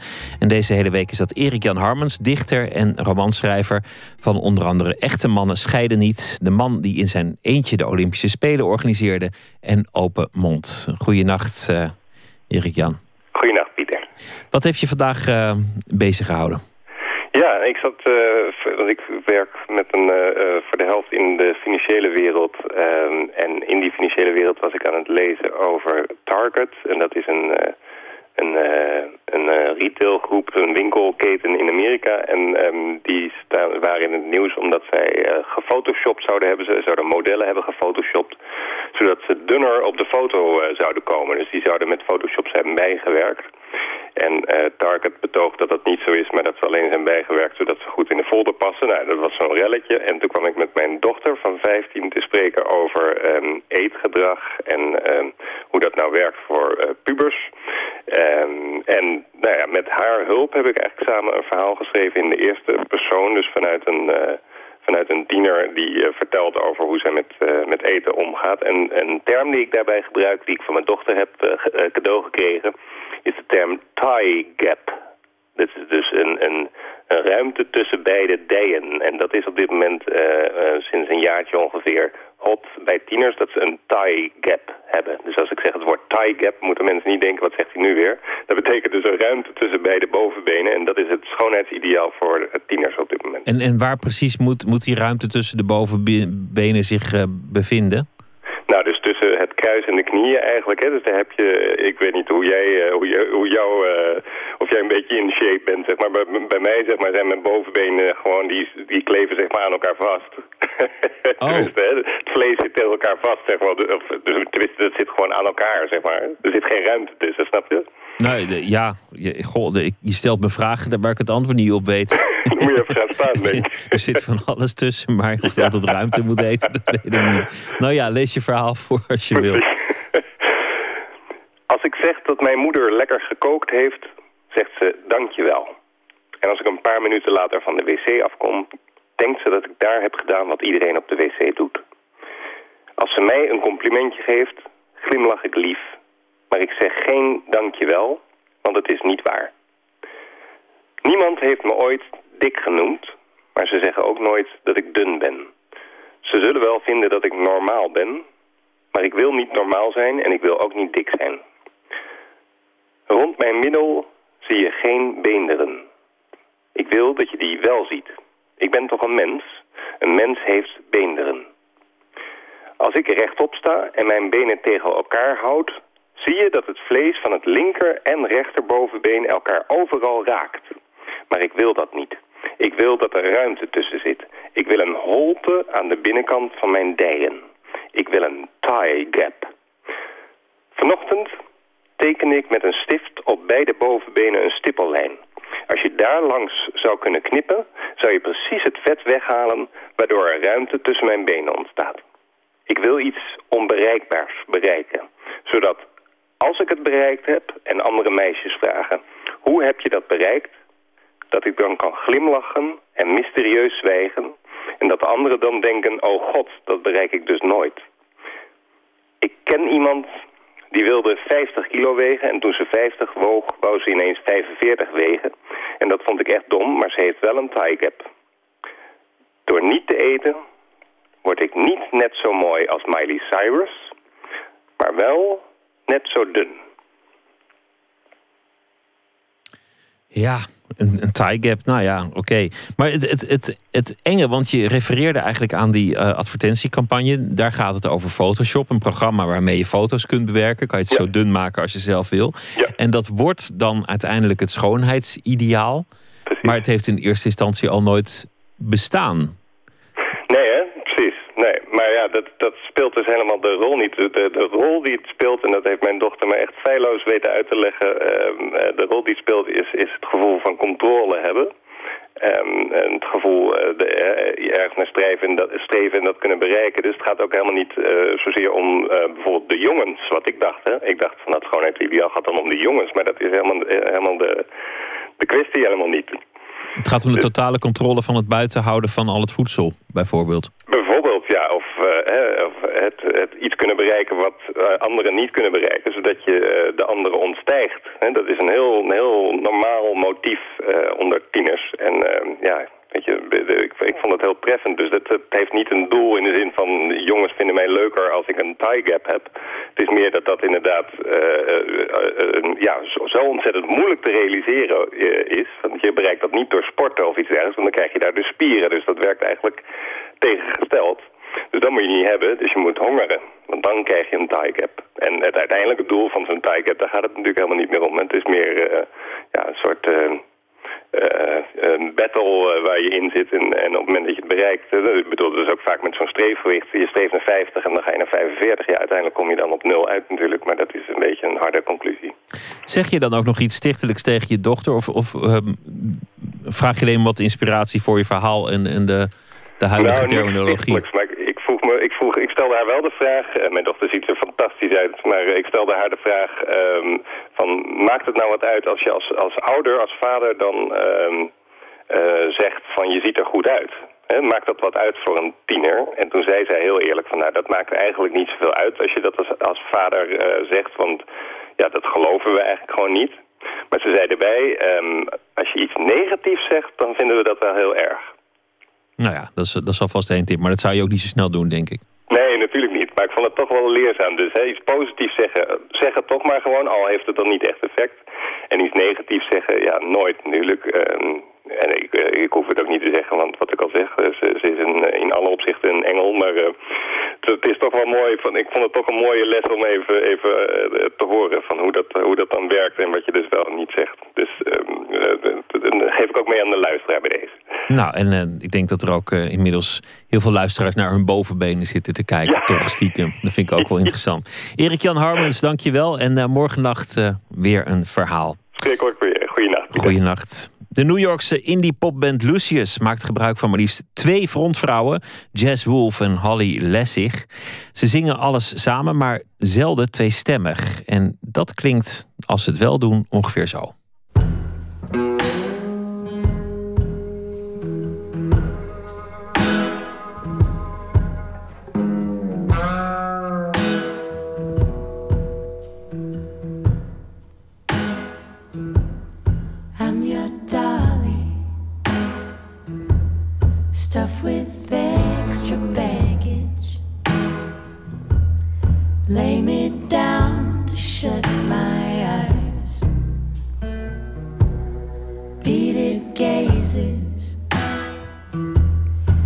Lead you nowhere, anyways.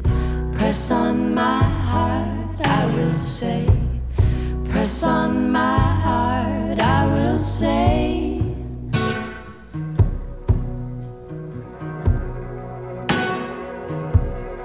I am lonely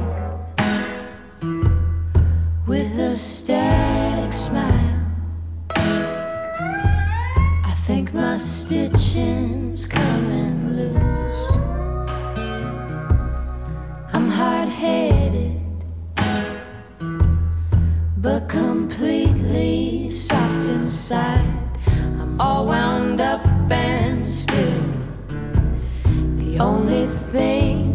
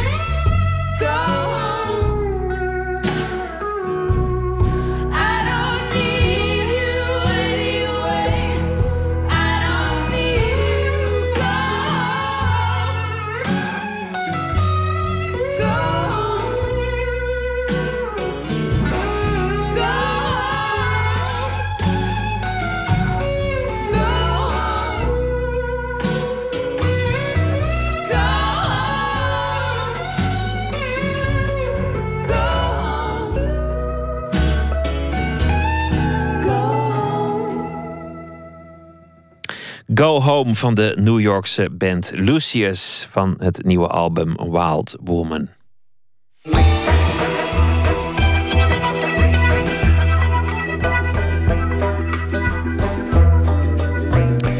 Luistert naar de VPRO op Radio 1 Nooit meer slapen. Twee documentaires zijn er al over zijn leven gemaakt.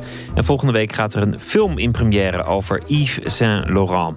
Het is de eerste en momenteel is er zelfs nog een film in de maak. Wat maakt deze modeontwerper tot zo'n dankbaar onderwerp? En wat zijn eigenlijk de valkuilen van zo'n eh, film over een eh, modeontwerper? En wat maakt Yves Saint Laurent eigenlijk zo bijzonder dat zo ontzettend veel eh, mensen een film over hem zouden willen maken? Nou, dat zijn allemaal eh, vragen die wij voorleggen aan NRC-journalist Milou van Rossum, een kenner van Yves Saint Laurent. En degene die bij haar langs ging is Floortje Smit.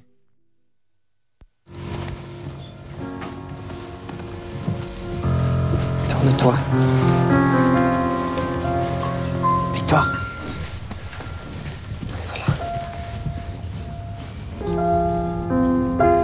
Een, eh, een gevoelig type, hè? Een overgevoelige man die eh, leed aan eh, depressies en eh, van alles, volgens mij.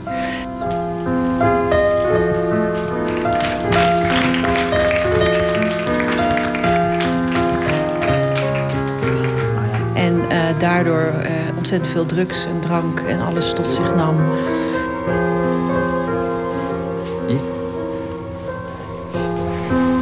En daar waarschijnlijk nog veel ongelukkiger van werd. Dat is een beetje het beeld. En, maar tegelijkertijd natuurlijk een geniale ontwerper.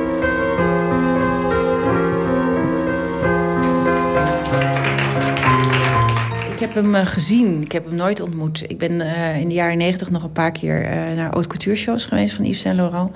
En dan kwam hij op het eind altijd natuurlijk op. En dan die hele zaal hield dan zijn adem in. Want daar liep zo'n broze, breekbare man die bijna ondersteund moest worden. eh, hij was natuurlijk zwak en, en, en trillerig. En eh, dat herinner ik me dat hij heel erg trilde. En dan gearmd met een... eh, maar goed, het is twintig jaar geleden. Het geheugen is natuurlijk niet. Maar dat was mijn beeld. Zo'n frêle man die echt aan de arm van een van de bruid meestal... dan dat plankier opkwam. En dan hield de hele zaal zijn adem in. Want hij was natuurlijk wel gewoon een legende.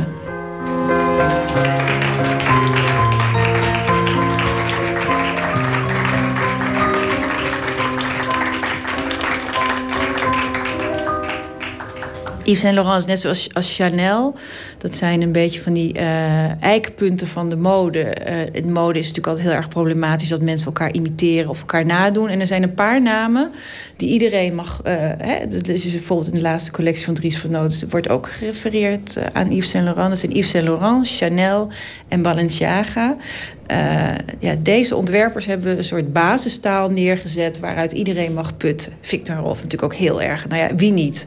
En dat is echt, het grappige is, bij deze naam is dat niet erg. Waarom is het niet erg? Omdat het zo duidelijk is van wie het komt. Het is, het is, eh, het is, niet meer, het is bijna niet meer eh, dat het stukken zijn van die ontwerpers. Het is deel van de universele taal van de mode... waaruit iedereen blijkbaar mag putten. En ja, dat is natuurlijk heel bijzonder. Kan jij een van die eh, elementen noemen? Ehm, er is het bekendste is natuurlijk de smoking voor vrouwen. Er is de doorkijkblouse. Er is de, eh, het verwerken van kunstwerken op kleding. Zoals de Mondriaan, maar ook Picasso en Braque. Er is zijn kleurgebruik. eh, dat, dat paars met rood, dat hele diepe. Er... ehm, wat ook ehm, typisch is, dat hij heeft een collectie gemaakt met die Afrikaanse invloeden al heel snel. Eh, het gebruiken van, van straatelementen in de mode, dat deed hij al helemaal in het begin. Hè. Die beatnik-collectie, dat was ook heel nieuw. Ehm, oh ja, en hij was de een van de eerste ontwerpers die een retro-collectie maakte. In eh, 1971 maakte hij een collectie die ging over de stijl van de, de oorlogsstijl. eh, Tweede Wereldoorlog, hoe vrouwen in Parijs toen gekleed gingen. Dus dat, daar was hij ook heel vernieuwend in. Eh, hij was de eerste eh, couturier die een pret-à-porter-lijn begon in de jaren 60. Ik denk wel dat... het- Kijk, het is natuurlijk niet alleen eh, eh, zijn briljante geest. Het zijn wel, ik denk dat het voor een deel ook dingen zijn die in de lucht hingen toen. En hij is natuurlijk ontwerper geweest in een periode waarin zo ontzettend veel veranderde in de mode. En dat, dat heel goed heeft opgepikt. En daar, dat is natuurlijk ook waar het om gaat bij modeontwerpen, is dat je. eh, je kan een heel mooi ontwerp maken, maar het moet passen in de tijd waarin het wordt gemaakt. En als dat samenvalt, hè, dat moment wat er op straat gebeurt en eh, wat er op de catwalk gebeurt, dan, dan raak je aan iets. En ehm, nou ja, dat heeft hij gedaan. Maar vervolgens zijn natuurlijk al die ontwerpen zijn daar weer bovenuit gestegen. Dus zoals ik al zei, dat is gewoon de, universe- de universele taal van de mode waar iedereen eh, uit mag putten. Ik vind dat heel bijzonder. Vous ne vous sentez pas trop jeune pour diriger la plus grande maison de haute couture française Peut-on savoir ce que vous comptez faire pour votre premier défilé Comment vous sentez-vous maintenant Je ne peux pas dire tout ce que je ressens, mais je ferai de mon mieux, et ce jusqu'au bout.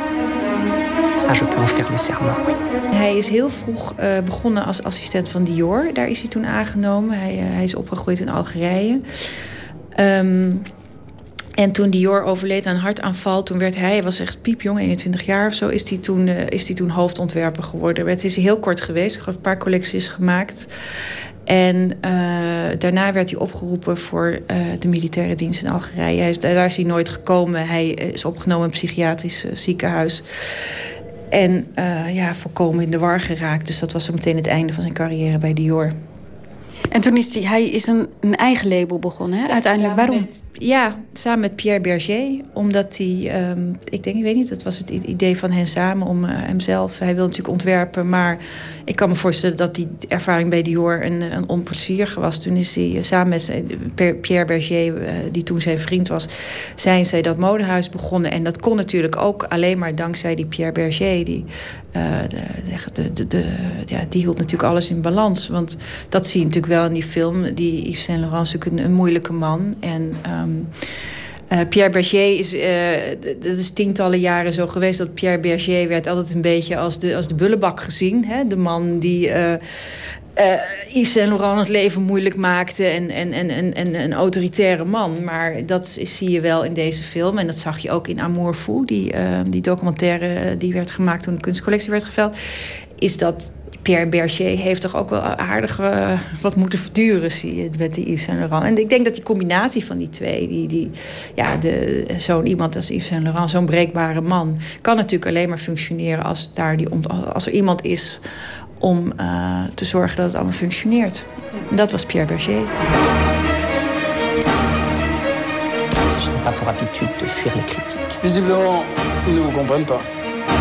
Laissez-moi tranquille. Laissez-moi dessiner maintenant.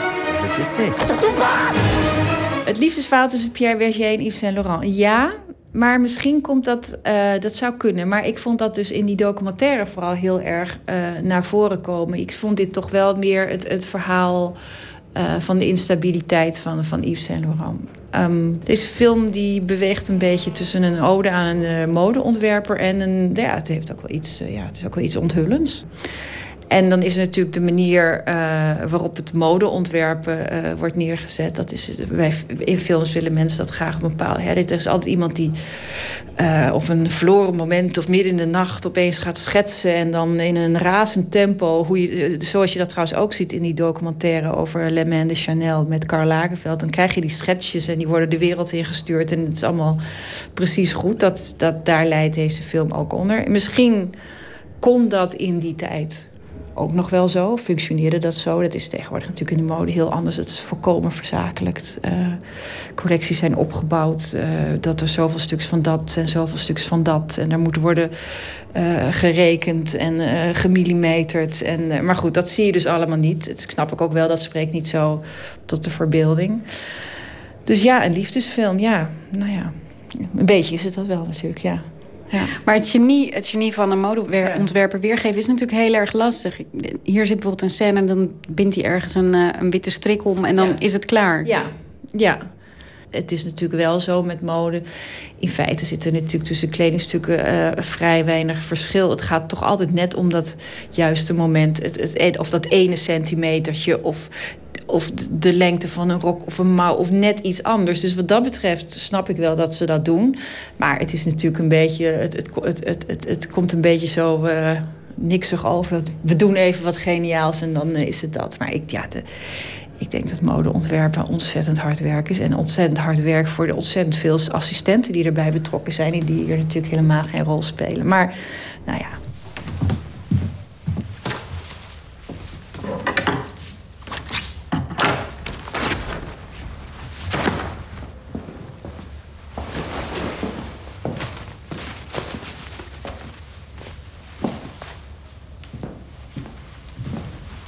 Comment trouvez-vous, mademoiselle Moi, j'aime beaucoup. Wat trouwens wel vrij onthutsend vind, is veel- is hoe de hoofdrolspeler lijkt op Saint Laurent. Dat is echt ongelooflijk. Nou ja, ik heb Yves Saint Laurent natuurlijk nooit gezien als, als jongeman. Maar het begint gewoon al mee dat hij zijn... eh, dat hij... eh, ja, dat, eh, dat gezicht is gewoon helemaal hetzelfde. En volgens mij ook de motoriek. En ook die... eh, wat je dan wel eens ziet op filmpjes. En, en, en, en die schuwe eh, manier om, eh, om zich heen te kijken. En ja, ik bedoel, maar het begint natuurlijk allemaal met die fysieke gelijkenis. Die is echt ongelooflijk. Een aantal van zijn shows waren in die tijd echt chockerend. Hè? Kan, kan je dat eigenlijk nog wel terugroepen in een film, dat gevoel? Nee, dat kan je niet terugvoelen. Omdat alles wat hij heeft gedaan is zo verankerd in het collectieve bewustzijn. Eh, dat je het nu helemaal niet meer eh, kan voorstellen dat dat zo was. Dat, dat is echt iets wat op zo'n moment zelf gebeurt. En, ehm, en dat zijn vaak ook ja, bijvoorbeeld die collectie, eh, de, de collectie die volgens mij ontzettend veel schandalen voor is, is die collectie uit 1971, die ik eerder noemde, hè, met die stijl uit de jaren 40.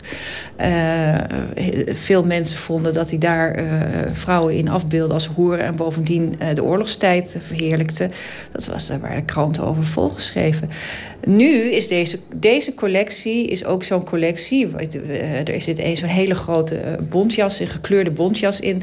Nou, één keer in de twee, drie jaar is, eh, is eh, zo'n bontjas weer in zo'n collectie. Ja, choqueert dat. Je kan, het, je kan misschien rationeel beseffen ehm, dat het een schandaal was... dat vrouwen in een smoking naar een restaurant gingen. Maar je, je voel je natuurlijk niet meer.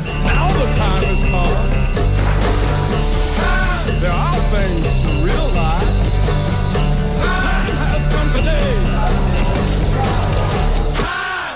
Het, het is aan de ene kant nu zo dat, dat het mode natuurlijk, in elk geval de beelden van mode, zijn natuurlijk voor iedereen eh, bereikbaar. Tegelijkertijd is het een, wereld die ontzettend gesloten is. Het is ook een wereld eh, die mensen toch een beetje angst inboezemt. Omdat eh, het gaat altijd over details en codes en dingen die niet door iedereen helemaal worden begrepen. Ehm, dus het blijft volgens mij, hoe, hoe zichtbaar het nu ook is, het blijft ontzettend tot de ver- verbeelding spreken. Het gaat natuurlijk over, eh, het gaat over schoonheid en esthetiek en over seks. En het is inderdaad, er is de drama, er is altijd dat terugkerende drama van de vreselijke deadlines van de shows. Dus dat zijn natuurlijk ook die momenten met die enorme ontlading. Ehm, ja, het is natuurlijk fantastisch materiaal. Die, die, al die, we hebben een hele stroom gezien van eh, modebiopics. Eigenlijk krijgen ze altijd kritiek. Denk je dat het mogelijk is om, om een goede te maken? Ik zit te denken of ik nou ooit een. een, een... Het probleem met eh, eh, dit soort films is. ehm, nou, ik vond. Kijk, je had natuurlijk eh, Chanel avant Chanel. Dat, dat vond ik nog wat. Dat was natuurlijk een hele romantische film. Ook met allemaal van die linten die. en, en iemand die een jasje kapot scheurt en dat soort dingen. Maar dat was in elk geval iets wat wij niet kennen. Het, ehm, het probleem is dat de realiteit in de mode eigenlijk vaak al vrij. ehm, eh, vrij nou ja, heftig. De, de, de, de- de mode is natuurlijk een vrij extreme wereld waar al heel veel gebeurt. Er zit al veel dramatiek eh, van zichzelf in. Ik denk als je ehm, bijvoorbeeld de allerlaatste show van Yves Saint Laurent, die toen heel groot eh, op het Centre Pompidou werd vertoond en waar iedereen daar buiten stond te huilen. Ja, ik denk dat toch veel mensen nog steeds zo'n emotionele eh, band hebben met, met die shows en die kleren. Dat het misschien daardoor moeilijk is eh, te ontroeren. En nogmaals, wat jij zei natuurlijk ook, is dat, die, dat het is heel moeilijk om de. eh, mode gaat toch heel erg over het, over het nu. Het gaat over vernieuwing. En die, het is het blijkt, blijkt dat dat toch heel moeilijk is om dat terug te halen. Die, die emotie van wat het vroeger deed. En ehm, dat, is, dat blijft wel een probleem. Ik vind het maar. Ja, ik vind vooral dat er heel veel modefilms moeten worden gemaakt. En op een dag gebeurt het natuurlijk goed. Maar ik, maar ik vind tot nu toe de documentaires bijna altijd beter. Bijvoorbeeld de documentaire over Valentino is natuurlijk meesterlijk. Ik bedoel, daar, daar, daar zit geen mom- Weet je, dat is, daar zit niets in wat je met een film eigenlijk beter zou kunnen doen. En mode is natuurlijk al fictie hè, van zichzelf. Het gaat natuurlijk altijd over verbeelding en rollen. En het, het zit er al zo in. Milou van Rossum in gesprek met Floortje Smit. En de film over Yves Saint Laurent draait vanaf volgende week in de bioscoop. De Crash Test Dummies, wie kent ze nog? Dat was ooit een succesvolle band. En Son of Dave is eigenlijk gewoon de in Londen wonende Canadees Benjamin Darville, die ooit in die band de Crash Test Dummies zat. Sinds hij solo is gegaan, beperkt hij zich tot een eigen tijdse versie van de blues. Maar hij noemt het beatbox blues. Luister naar Broke Down Lincoln. Think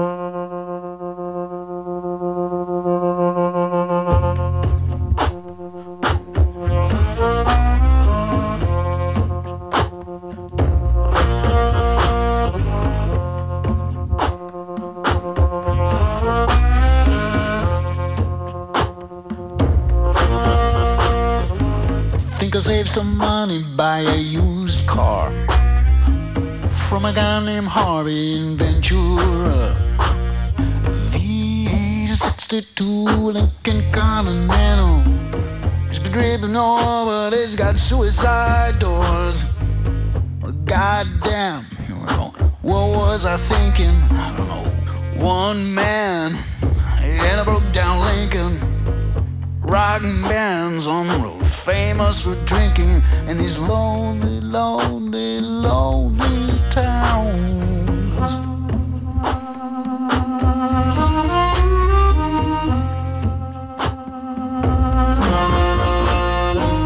When I call up Harvey for a bailout, tell me just look in glove compartment.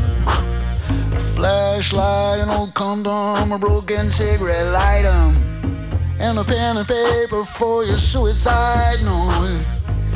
Well, goddamn, what was I thinking? I don't know. One man played the blues in a broke down Lincoln. Rock bands in the news, famous for drinking. Make a lot of money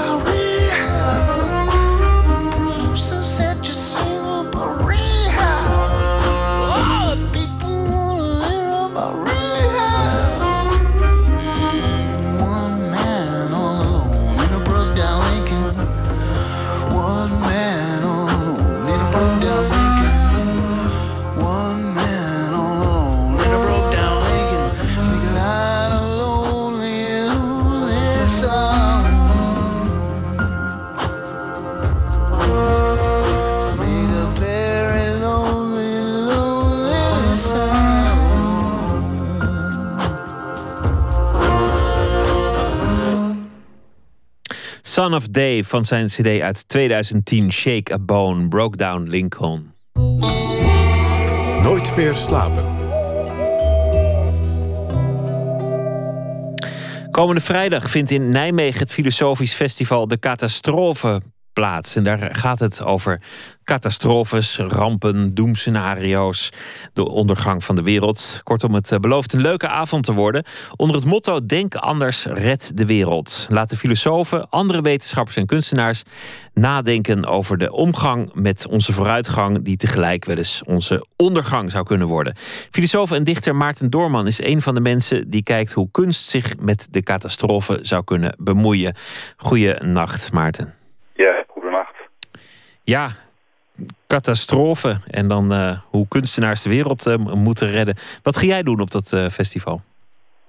Ik ga niet de wereld redden op dat festival. ehm, maar ik raak in gesprek daar met Lisa Doeland en ook met de filosoof Ivana Ivkovic.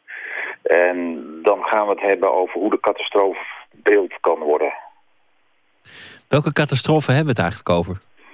Mm, nou, ik kan niet voor de catastrofes van de anderen spreken, maar ehm, ik heb wat nagedacht over, eh, over een paar dingen waar, waar kunstenaars zich mee bezighouden en die wel te maken hebben met een slechte afloop van de aarde. Een, een van, de, of van, van, laat ik zeggen, de beschaving op aarde. Eh, een van de dingen waar eh, onder andere in Amerika mensen zich druk over maken, dat is het zogeheten peak oil, het moment waarop de olie op is. En er zijn een aantal mensen die dan verwachten dat dat heel destabiliserend werkt, omdat eigenlijk alles in onze economie van de olie afhangt. En ook heel erg veel dingen van olie gemaakt worden. En er is een paar jaar geleden een eh, documentaire verschenen, eh, die heet geloof ik ook Catastrofe, en die, die beschrijft hoe alles in een soort chaos eindigt. Er zijn ook andere catastrofes te verzinnen die dan eh, de- de- natuurlijk de opwarming van de aarde, het, het stijgen van de zeespiegel, eh, dat soort ontwikkelingen waar wij toch allemaal meer of minder eh, mee bezig zijn. Ja, een nieuwe En- ijstijd. Was ook zo'n zo'n klassieker. ijstijd, ja. Een komeet ja. die er aankomt. De, Ja. atoom, de atoomramp natuurlijk, kan ook nog steeds. Een afgedwaalde weerraket die wordt aangezien voor, voor een atoomaanval. Ja. Eh, waarom is het belangrijk voor kunstenaars en wetenschappers om zich met catastrofes bezig te houden eigenlijk? Nou, ik denk dat het voor ons allemaal belangrijk is om ons ermee bezig te houden van tijd tot tijd. Eh, omdat er een aantal ontwikkelingen aan de gang zijn. Eh, ik bedoel, we moeten ook rekening houden met de toekomst. Misschien als je geen kinderen hebt, dat het je niet kan schelen. Maar anders is het toch wel goed om daarover na te denken. Maar het probleem is dat je vaak op zo'n voorspelbare manier erover nadenkt. Hè, over de opwarming van de aarde bijvoorbeeld. En wat mij fascineert de laatste jaren is eigenlijk hoe kunstenaars eh, nadenken over bijvoorbeeld de tijd na de catastrofe. Of hoe je dat kan verbeelden. Het leuke van dit festival is, het geeft een... Een, een, of het, het gaat voor een deel over het perspectief van wat heet overview, of het overview effect. Het idee dat eh, astronauten vanuit, eh, vanuit het heelal, vanaf de maan, eh, naar de aarde kijken. En daarbij eigenlijk een, een veel meer afstandelijker idee krijgen over de planeet aarde. Nou, en die blik, daar heb ik een, eh, een opstel over geschreven een tijdje geleden. Planet Earth is Blue heet dat. En dat is eigenlijk een regel uit een liedje van David Bowie, zoals... eh, Ja, Major- Major Tom, ja. Precies, Grand Control, Major Tom enzovoort. En Planet Earth is blue and there is nothing you can do. En ehm, nou, dat is het vertrekpunt ook voor mijn opstel, maar ook van die avond eigenlijk, eh, toevallig. En dan is natuurlijk de vraag, wat kunnen eh, eh, bijvoorbeeld een Dave Bowie geeft een blik op de aarde, maar het verwijst ook naar die film, hè, Space Odyssey, van, van die, die klassieker van Stanley Kubrick. Maar ik denk ook aan een film als van Lars von Trier bijvoorbeeld, Melancholia, waarin een planeet op de aarde komt aanzeilen, die, of niet een planeet, een enorme komeet, die niet meer te ontwijken is en hoe je dan gaat gedragen. Nou, von Trier in die, die prachtige film doet, is eigenlijk laten zien hoe mensen daarop reageren op zo'n catastrofe. En er zijn veel kunstenaars, ook beeldende kunstenaars, eh, Ja, dat ik denk aan- mij vooral. Joep van Lieshout was hier laatst eh, te gast. Ook een man van, van de gruwelijke toekomstbeelden. Ja. ja, nou die is wat dat betreft heel interessant. Daar, daar schrijf ik ook over in dat opstel. Want hij, hij denkt na eigenlijk over de tijd na de catastrofe. Wanneer we niet meer allemaal zo netjes en beschaafd met elkaar samenleven. En weer moeten beginnen, althans de overlevenden, met de samenleving op te bouwen. En eh, hoe doe je dat? Ja, je gaat je eigen erf verdedigen. Dus het is belangrijk om, om wapens te hebben, nieuwe rituelen uit te vinden. En dat zijn de dingen die hij maakt. Maar is eigenlijk wat, je, wat jij zegt, kunstenaars kunnen vrij denken, kunnen eh, buiten de box denken. En daarom Ja. is het goed dat zij zich bezighouden met de catastrofes die ons wellicht naderen en de wereld daarna. Zodat we een beetje kunnen anticiperen op een vrijdenkende wijze. Precies, anticiperen of uh, daarover nadenken of onze verbeelding uh, uh, activeren. Niet alleen om het gevaar op te roepen, maar ook misschien strategieën om het te voorkomen of te attackeren. En dat klinkt heel vaag totdat je de kunstwerken zelf ziet en het over die kunstwerken zelf hebt. En dan is het al een stuk minder vaag. Het is wel grappig bij elke, elke vooruitgang. Wij worden gedreven door de, door de techniek. En, en wij, wij passen ons aan aan de wereld door steeds weer oplossingen voor problemen te verzinnen. Maar daar hoort ook altijd een, een dystopie bij. Een toekomstbeeld dat helemaal niet rooskleurig is. Helaas wel, ja. Het blijkt, uh, telkens vinden we weer nieuwe dingen uit. En zijn we hoopvol gestemd. En dan gaan we dat toch weer verprutsen dat is een beetje eigen aan de mens. En dan vinden we weer een oplossing en daar blijkt dan ook dan weer een, een, oplossing, ja, een doemscenario ja, aan vast. Ik, ja, ik ben niet een, ik ben niet een pessimistisch cultuurfilosoof. Ik vind dat je niet in een soort pessimisme moet blijven hangen. Uh, hoewel dat soms wel heel prettig is een tijdje.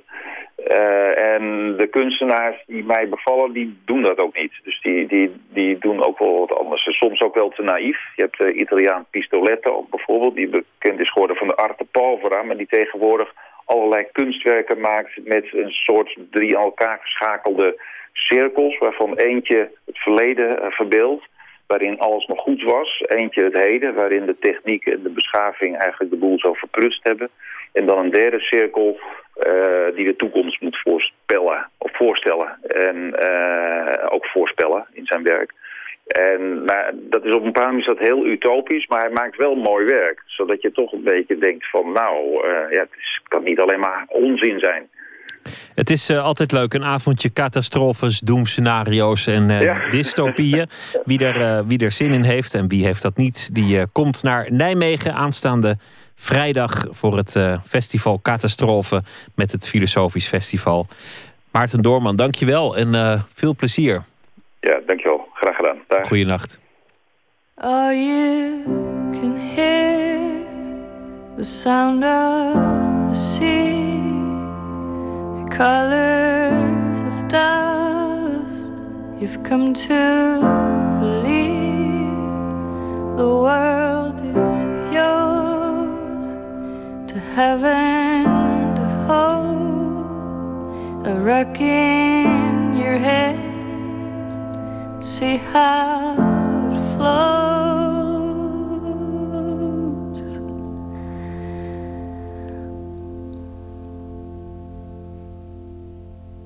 Breathe in the light that glitters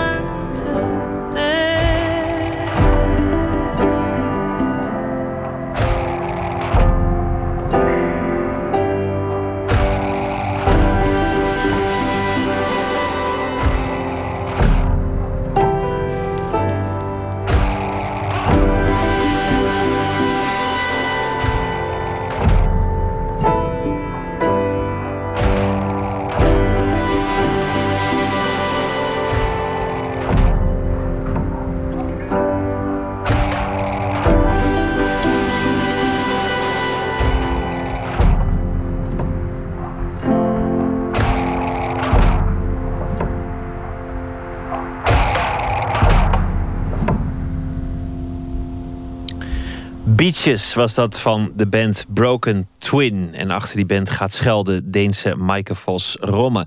En eind van deze week is het festival Motel Mozaïek in Rotterdam. En wij draaien elke dag een nummer van een van de bands die daar gaat spelen. En deze band Broken Twin die zal daar ook spelen.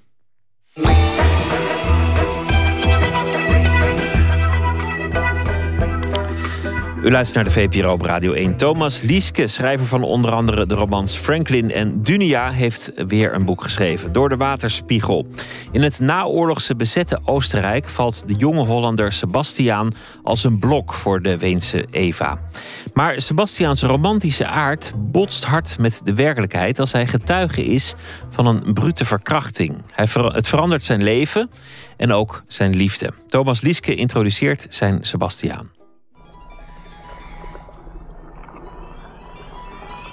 Sebastiaan werd afgeleid door een bewegend balletje stof of pluis. Het kleefde tegen de rand van een richel. Het was kleiner dan zijn pinknagel.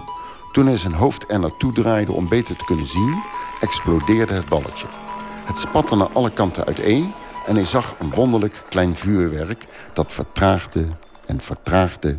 En toen bleek te bestaan uit een waaier van bijna onzichtbare draden... met aan het eind van iedere draad een voor het blote oog... nauwelijks zichtbaar, pasgeboren zeepaardje... dat pijlsnel een goed heenkomen zocht... en zich langs zijn eigen pasgeboren draad naar beneden liet zakken. Sebastian is een figuur die eh, denkt dat hij daadkrachtig is. Die denkt dat hij beslissingen neemt. Maar in feite stelt hij zijn beslissingen constant uit. En, en in feite is hij een figuur die heel snel een ideaal heeft. Heel snel een gedachte heeft van zo moet ik het doen. Maar eh, dat verlaat hij ook heel snel. Eh, het blijkt dat hij even later er helemaal niet meer aan denkt. En eh, dat, dat betekent dat hij nogal zwalkend door het leven gaat. Uh, en op een gegeven moment, wanneer er werkelijk iets gebeurt... dan durft hij niet in te grijpen. En dan gaat hij de fout in. Dan, dan is hij iemand die dus later ook gaat verklaren... ja, maar het is allemaal toeval geweest. Nee, zegt de ander, het is geen toeval geweest. Het zijn beslissingen die je genomen hebt. En beslissingen maken je identiteit en maken je karakter uit. En wat jij hebt gedaan, is de zaak uitstellen. Jij hebt, je, jij hebt dus wel de, de, de, de werkelijkheid om je heen gezien... maar je hebt niet de kracht gehad om in te grijpen. En dat is waarschijnlijk ook een ergerniswekkende aan hem. Terwijl die, terwijl die, als het goed is, toch wel een, zeker, zekere vorm van medelijden oproept... want hij wordt er zwaar voor gestraft. En, en, en die hele tocht die hij maakt door Europa... die is uiteindelijk, komt hij wel goed uit... Ik bedoel, hij wordt niet door mij zo gestraft dat hij helemaal totaal van de kaart uh, is of dood moet of wat dan ook. Het komt allemaal goed, maar hij wordt wel gestraft. Sebastian is een, is een lieve jongen uit Nederland... En die een verhaal van zichzelf heeft gemaakt... waarin hij een koene ridder is. En er zijn een aantal momenten in het boek... waarop hij de kans heeft om dat ook daadwerkelijk te zijn. En dan doet hij het niet. En het is alsof hij niet kan accepteren dat zijn verhaal op dat moment verandert. Dat hij niet meer, dat hij niet meer die man kan zijn. Omdat hij nu gezien heeft dat hij dat dus niet is. Ja, dat klopt. Dat klopt. Dat is ook... Kijk, als die, als die jong is, als die eigenlijk een jongen is van ja, 14, 15... dan um, krijgt hij een uniform dat, dat nog eens een keer dat enorm versterkt. Dat idee dat hij ja, wat, wat, wat denkt hij van zichzelf? Hij denkt dat hij een soort, soort uh, half-adellijke uh, figuur is uit de 19e eeuw of zo. Dat, dat, dat, dat, dat heeft hij een beetje over zich. Nou is dat heel erg jongensachtig. En, en dat, komt, dat komt wel vaker voor. Maar het is natuurlijk niet de manier om goed in het leven te staan... en om de werkelijkheid om je heen te zien. Dat heeft hij constant, dat, dat idee van zichzelf. Dat hij dat hij daadkrachtig is, dat hij dingen doet, studie... Uh, maar dat hij uiteindelijk dat hij toch de echte stappen niet durft te maken. Is zo'n man dan een dankbaar, uh, dankbaar figuur... of juist, is het juist moeilijk om het verhaal te laten schrijven? Nou, ik weet niet of het dankbaar is of, of, of niet dankbaar... Of, en of het moeilijk is of niet. Um, zo iemand ontstaat en, en, en daarmee werk je verder. Um, het, het lijkt mij een, een volkomen uh, uit het leven gegrepen iemand. Ik zie ze zo om me heen. Ehm, en eh, en eh, je bent benieuwd wat er gebeurt wanneer zo iemand werkelijk erachter komt... dat die, dat die, dat die eh, fout is geweest. Dat hij dus een eigen schuld opgezadeld is met een enorm probleem. En je probeert, denk ik, dat het ongeveer daarop neerkomt. Ik weet het ook niet hoor. Dat zijn allemaal intuïtieve zaken natuurlijk. Maar je probeert ehm, in het verhaal een situatie te creëren... die weergeeft wat er in zijn hersens aan de gang is. Want als het alleen maar om zijn hersens gaat... dan is het moeilijk om dat, om dat duidelijk te maken in een verhaal... om uit te leggen wat er precies gebeurt... dan blijf je een beetje beperkt tot eh, filosofieën en, en gedachten over. Nu heb ik geprobeerd om die situatie waarin hij zit met zijn kop... namelijk, ik heb een meisje zien verkrachten... en ik heb niet ingegrepen terwijl ik het wel had gekund... ehm, die probeer ik te vertalen naar eh, een, een, een situatie... waarin er iets met zijn persoon gebeurt.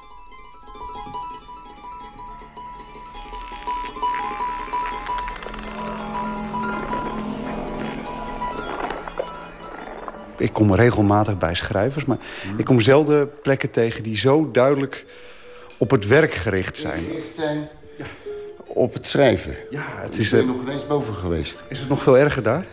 Nee, nee, nee, het is niet erger.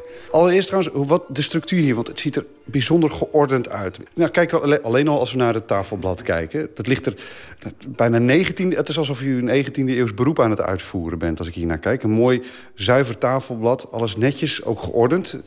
Ja, er zit een laptop, maar die is ook trouwens... het is ook een vrij keurige laptop, dichtgeklapt bovendien. Maar als ik het hier zo lig... Het zit ook trouwens behoorlijk recht. Het ligt hier zo strak geregeld. Is dit nodig om te kunnen schrijven? Ja, ja, ja, ja.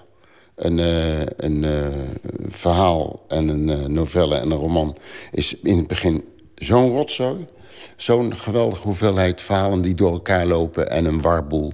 Dat, daar moet ik een geordend verhaal uithalen. En als ik dit niet orden, dan wordt dat niks. Ik, ik durf het nu al bijna niet te doen, maar als ik nou ook maar enigszins hier iets ga verplaatsen... Gaat er dan niet nog, komt er dan nog iets uit of moet het echt allemaal recht liggen? Nee hoor, nee hoor. Het, eh, eh, eh, dit, dit, is, dit is mijn bedoeling. En, eh, en zo werk ik prettig. En, en hier wat we hier achter zien, ik zie een prachtig schema. 1, 2, 3, 4, 5, 6. Wat ehm, verschillende kleuren ook. Waar, waar zitten we nu naar te kijken? Ik ben bezig aan een novelle. Daar ben ik net aan begonnen, zo'n beetje. En eh, zo werk ik altijd. Ik kan je nog wel dingen laten zien die met dit boek te maken hebben.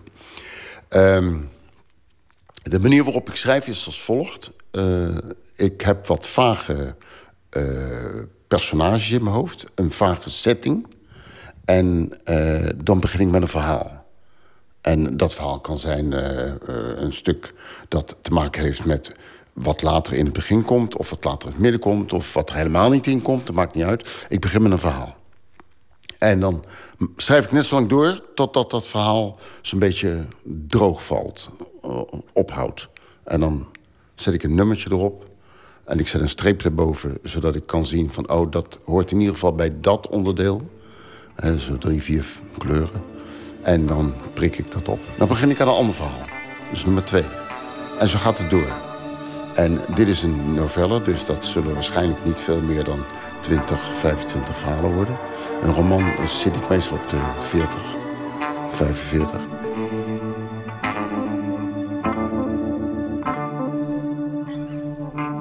Dat hoofd van u, is het eh, zo gestructureerd als dit tafelblad? Of, eh, is dit tafelblad nodig om die structuur enigszins eh, uit het hoofd te halen? Ja, ja, dat laatste, denk ik. Dus laten we het daar maar op houden.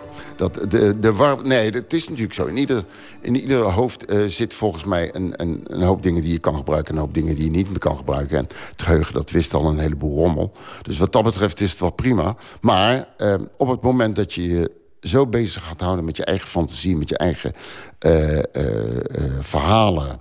en die verhalen tot een leesbaar en begrijpelijk geheel moet maken... moet je het op een gegeven moment wel structureren. Want anders wordt het niks.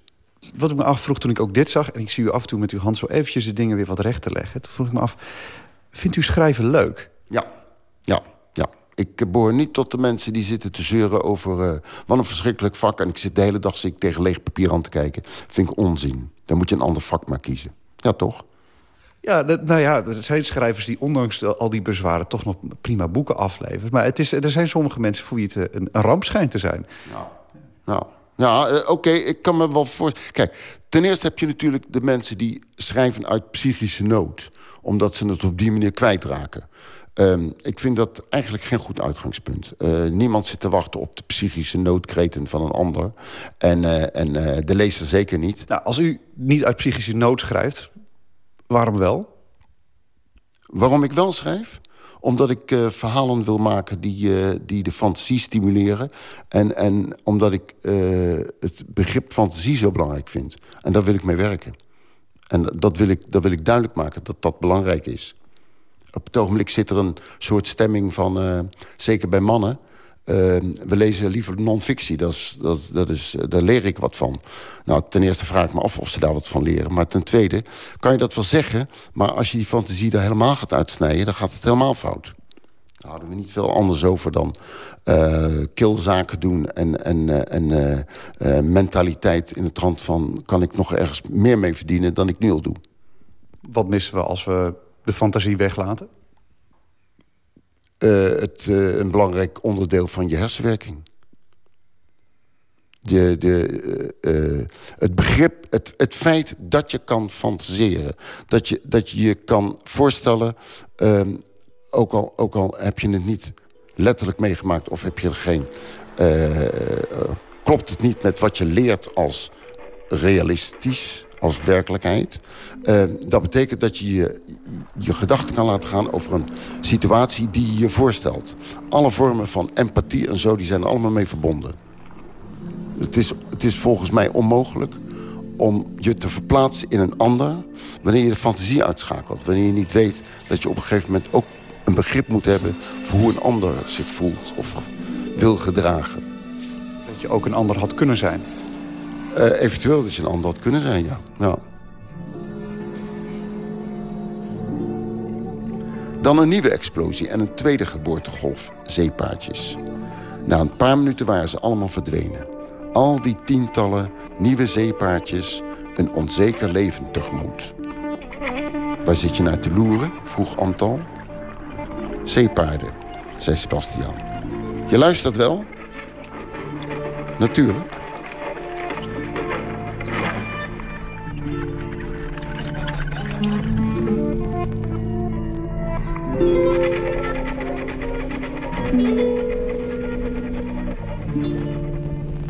Maarten Westerveen was dat in gesprek met Thomas Lieske. En zijn nieuwe boek, Door de Waterspiegel, is eh, verschenen bij uitgeverij Querido. Afgelopen vrijdag was hij eh, te gast. Happy Camper, alias Job Roggeveen. Het eh, project is weer terug. 21 maart kwam het eh, tweede album uit. Met bijdragers van onder andere Eefje de Visser, Marien Doorlijn, Tim Knol, Janne Schra en nog vele anderen. The Daily Drumbeat heet het album. En het nummer dat wij gaan draaien is met Janne Schra samen Happy Camper. Het nummer heet Carefree Corp.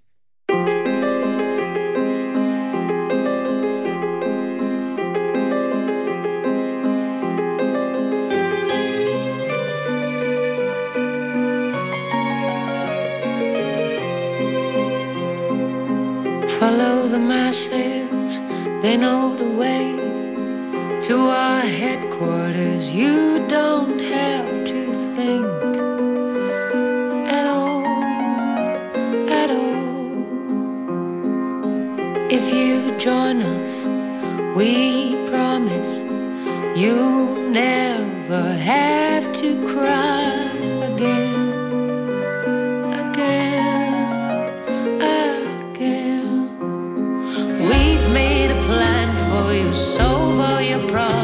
just come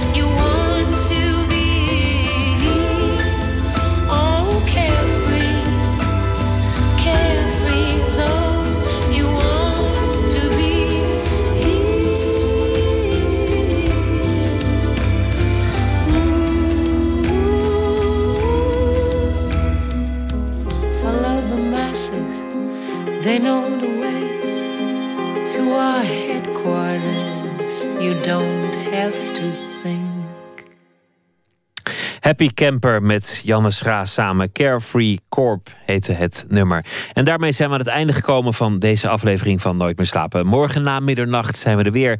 Dan komt toparchitect Francine Hoebe langs. Oprichter en creatief directeur van Meccano Architecten in Delft.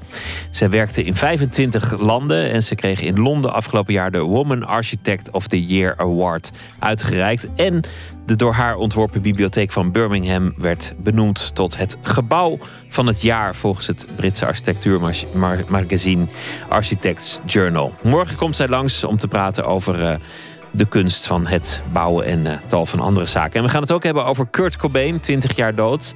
Voor een hele generatie een eh, belangrijk moment. Het uitkomen van het album en het sterven van de zanger. Morgen allemaal dus in Nooit meer slapen na middernacht. Ik wens u voor nu een eh, mooie nacht, morgen een leuke dag en eh, graag tot dan.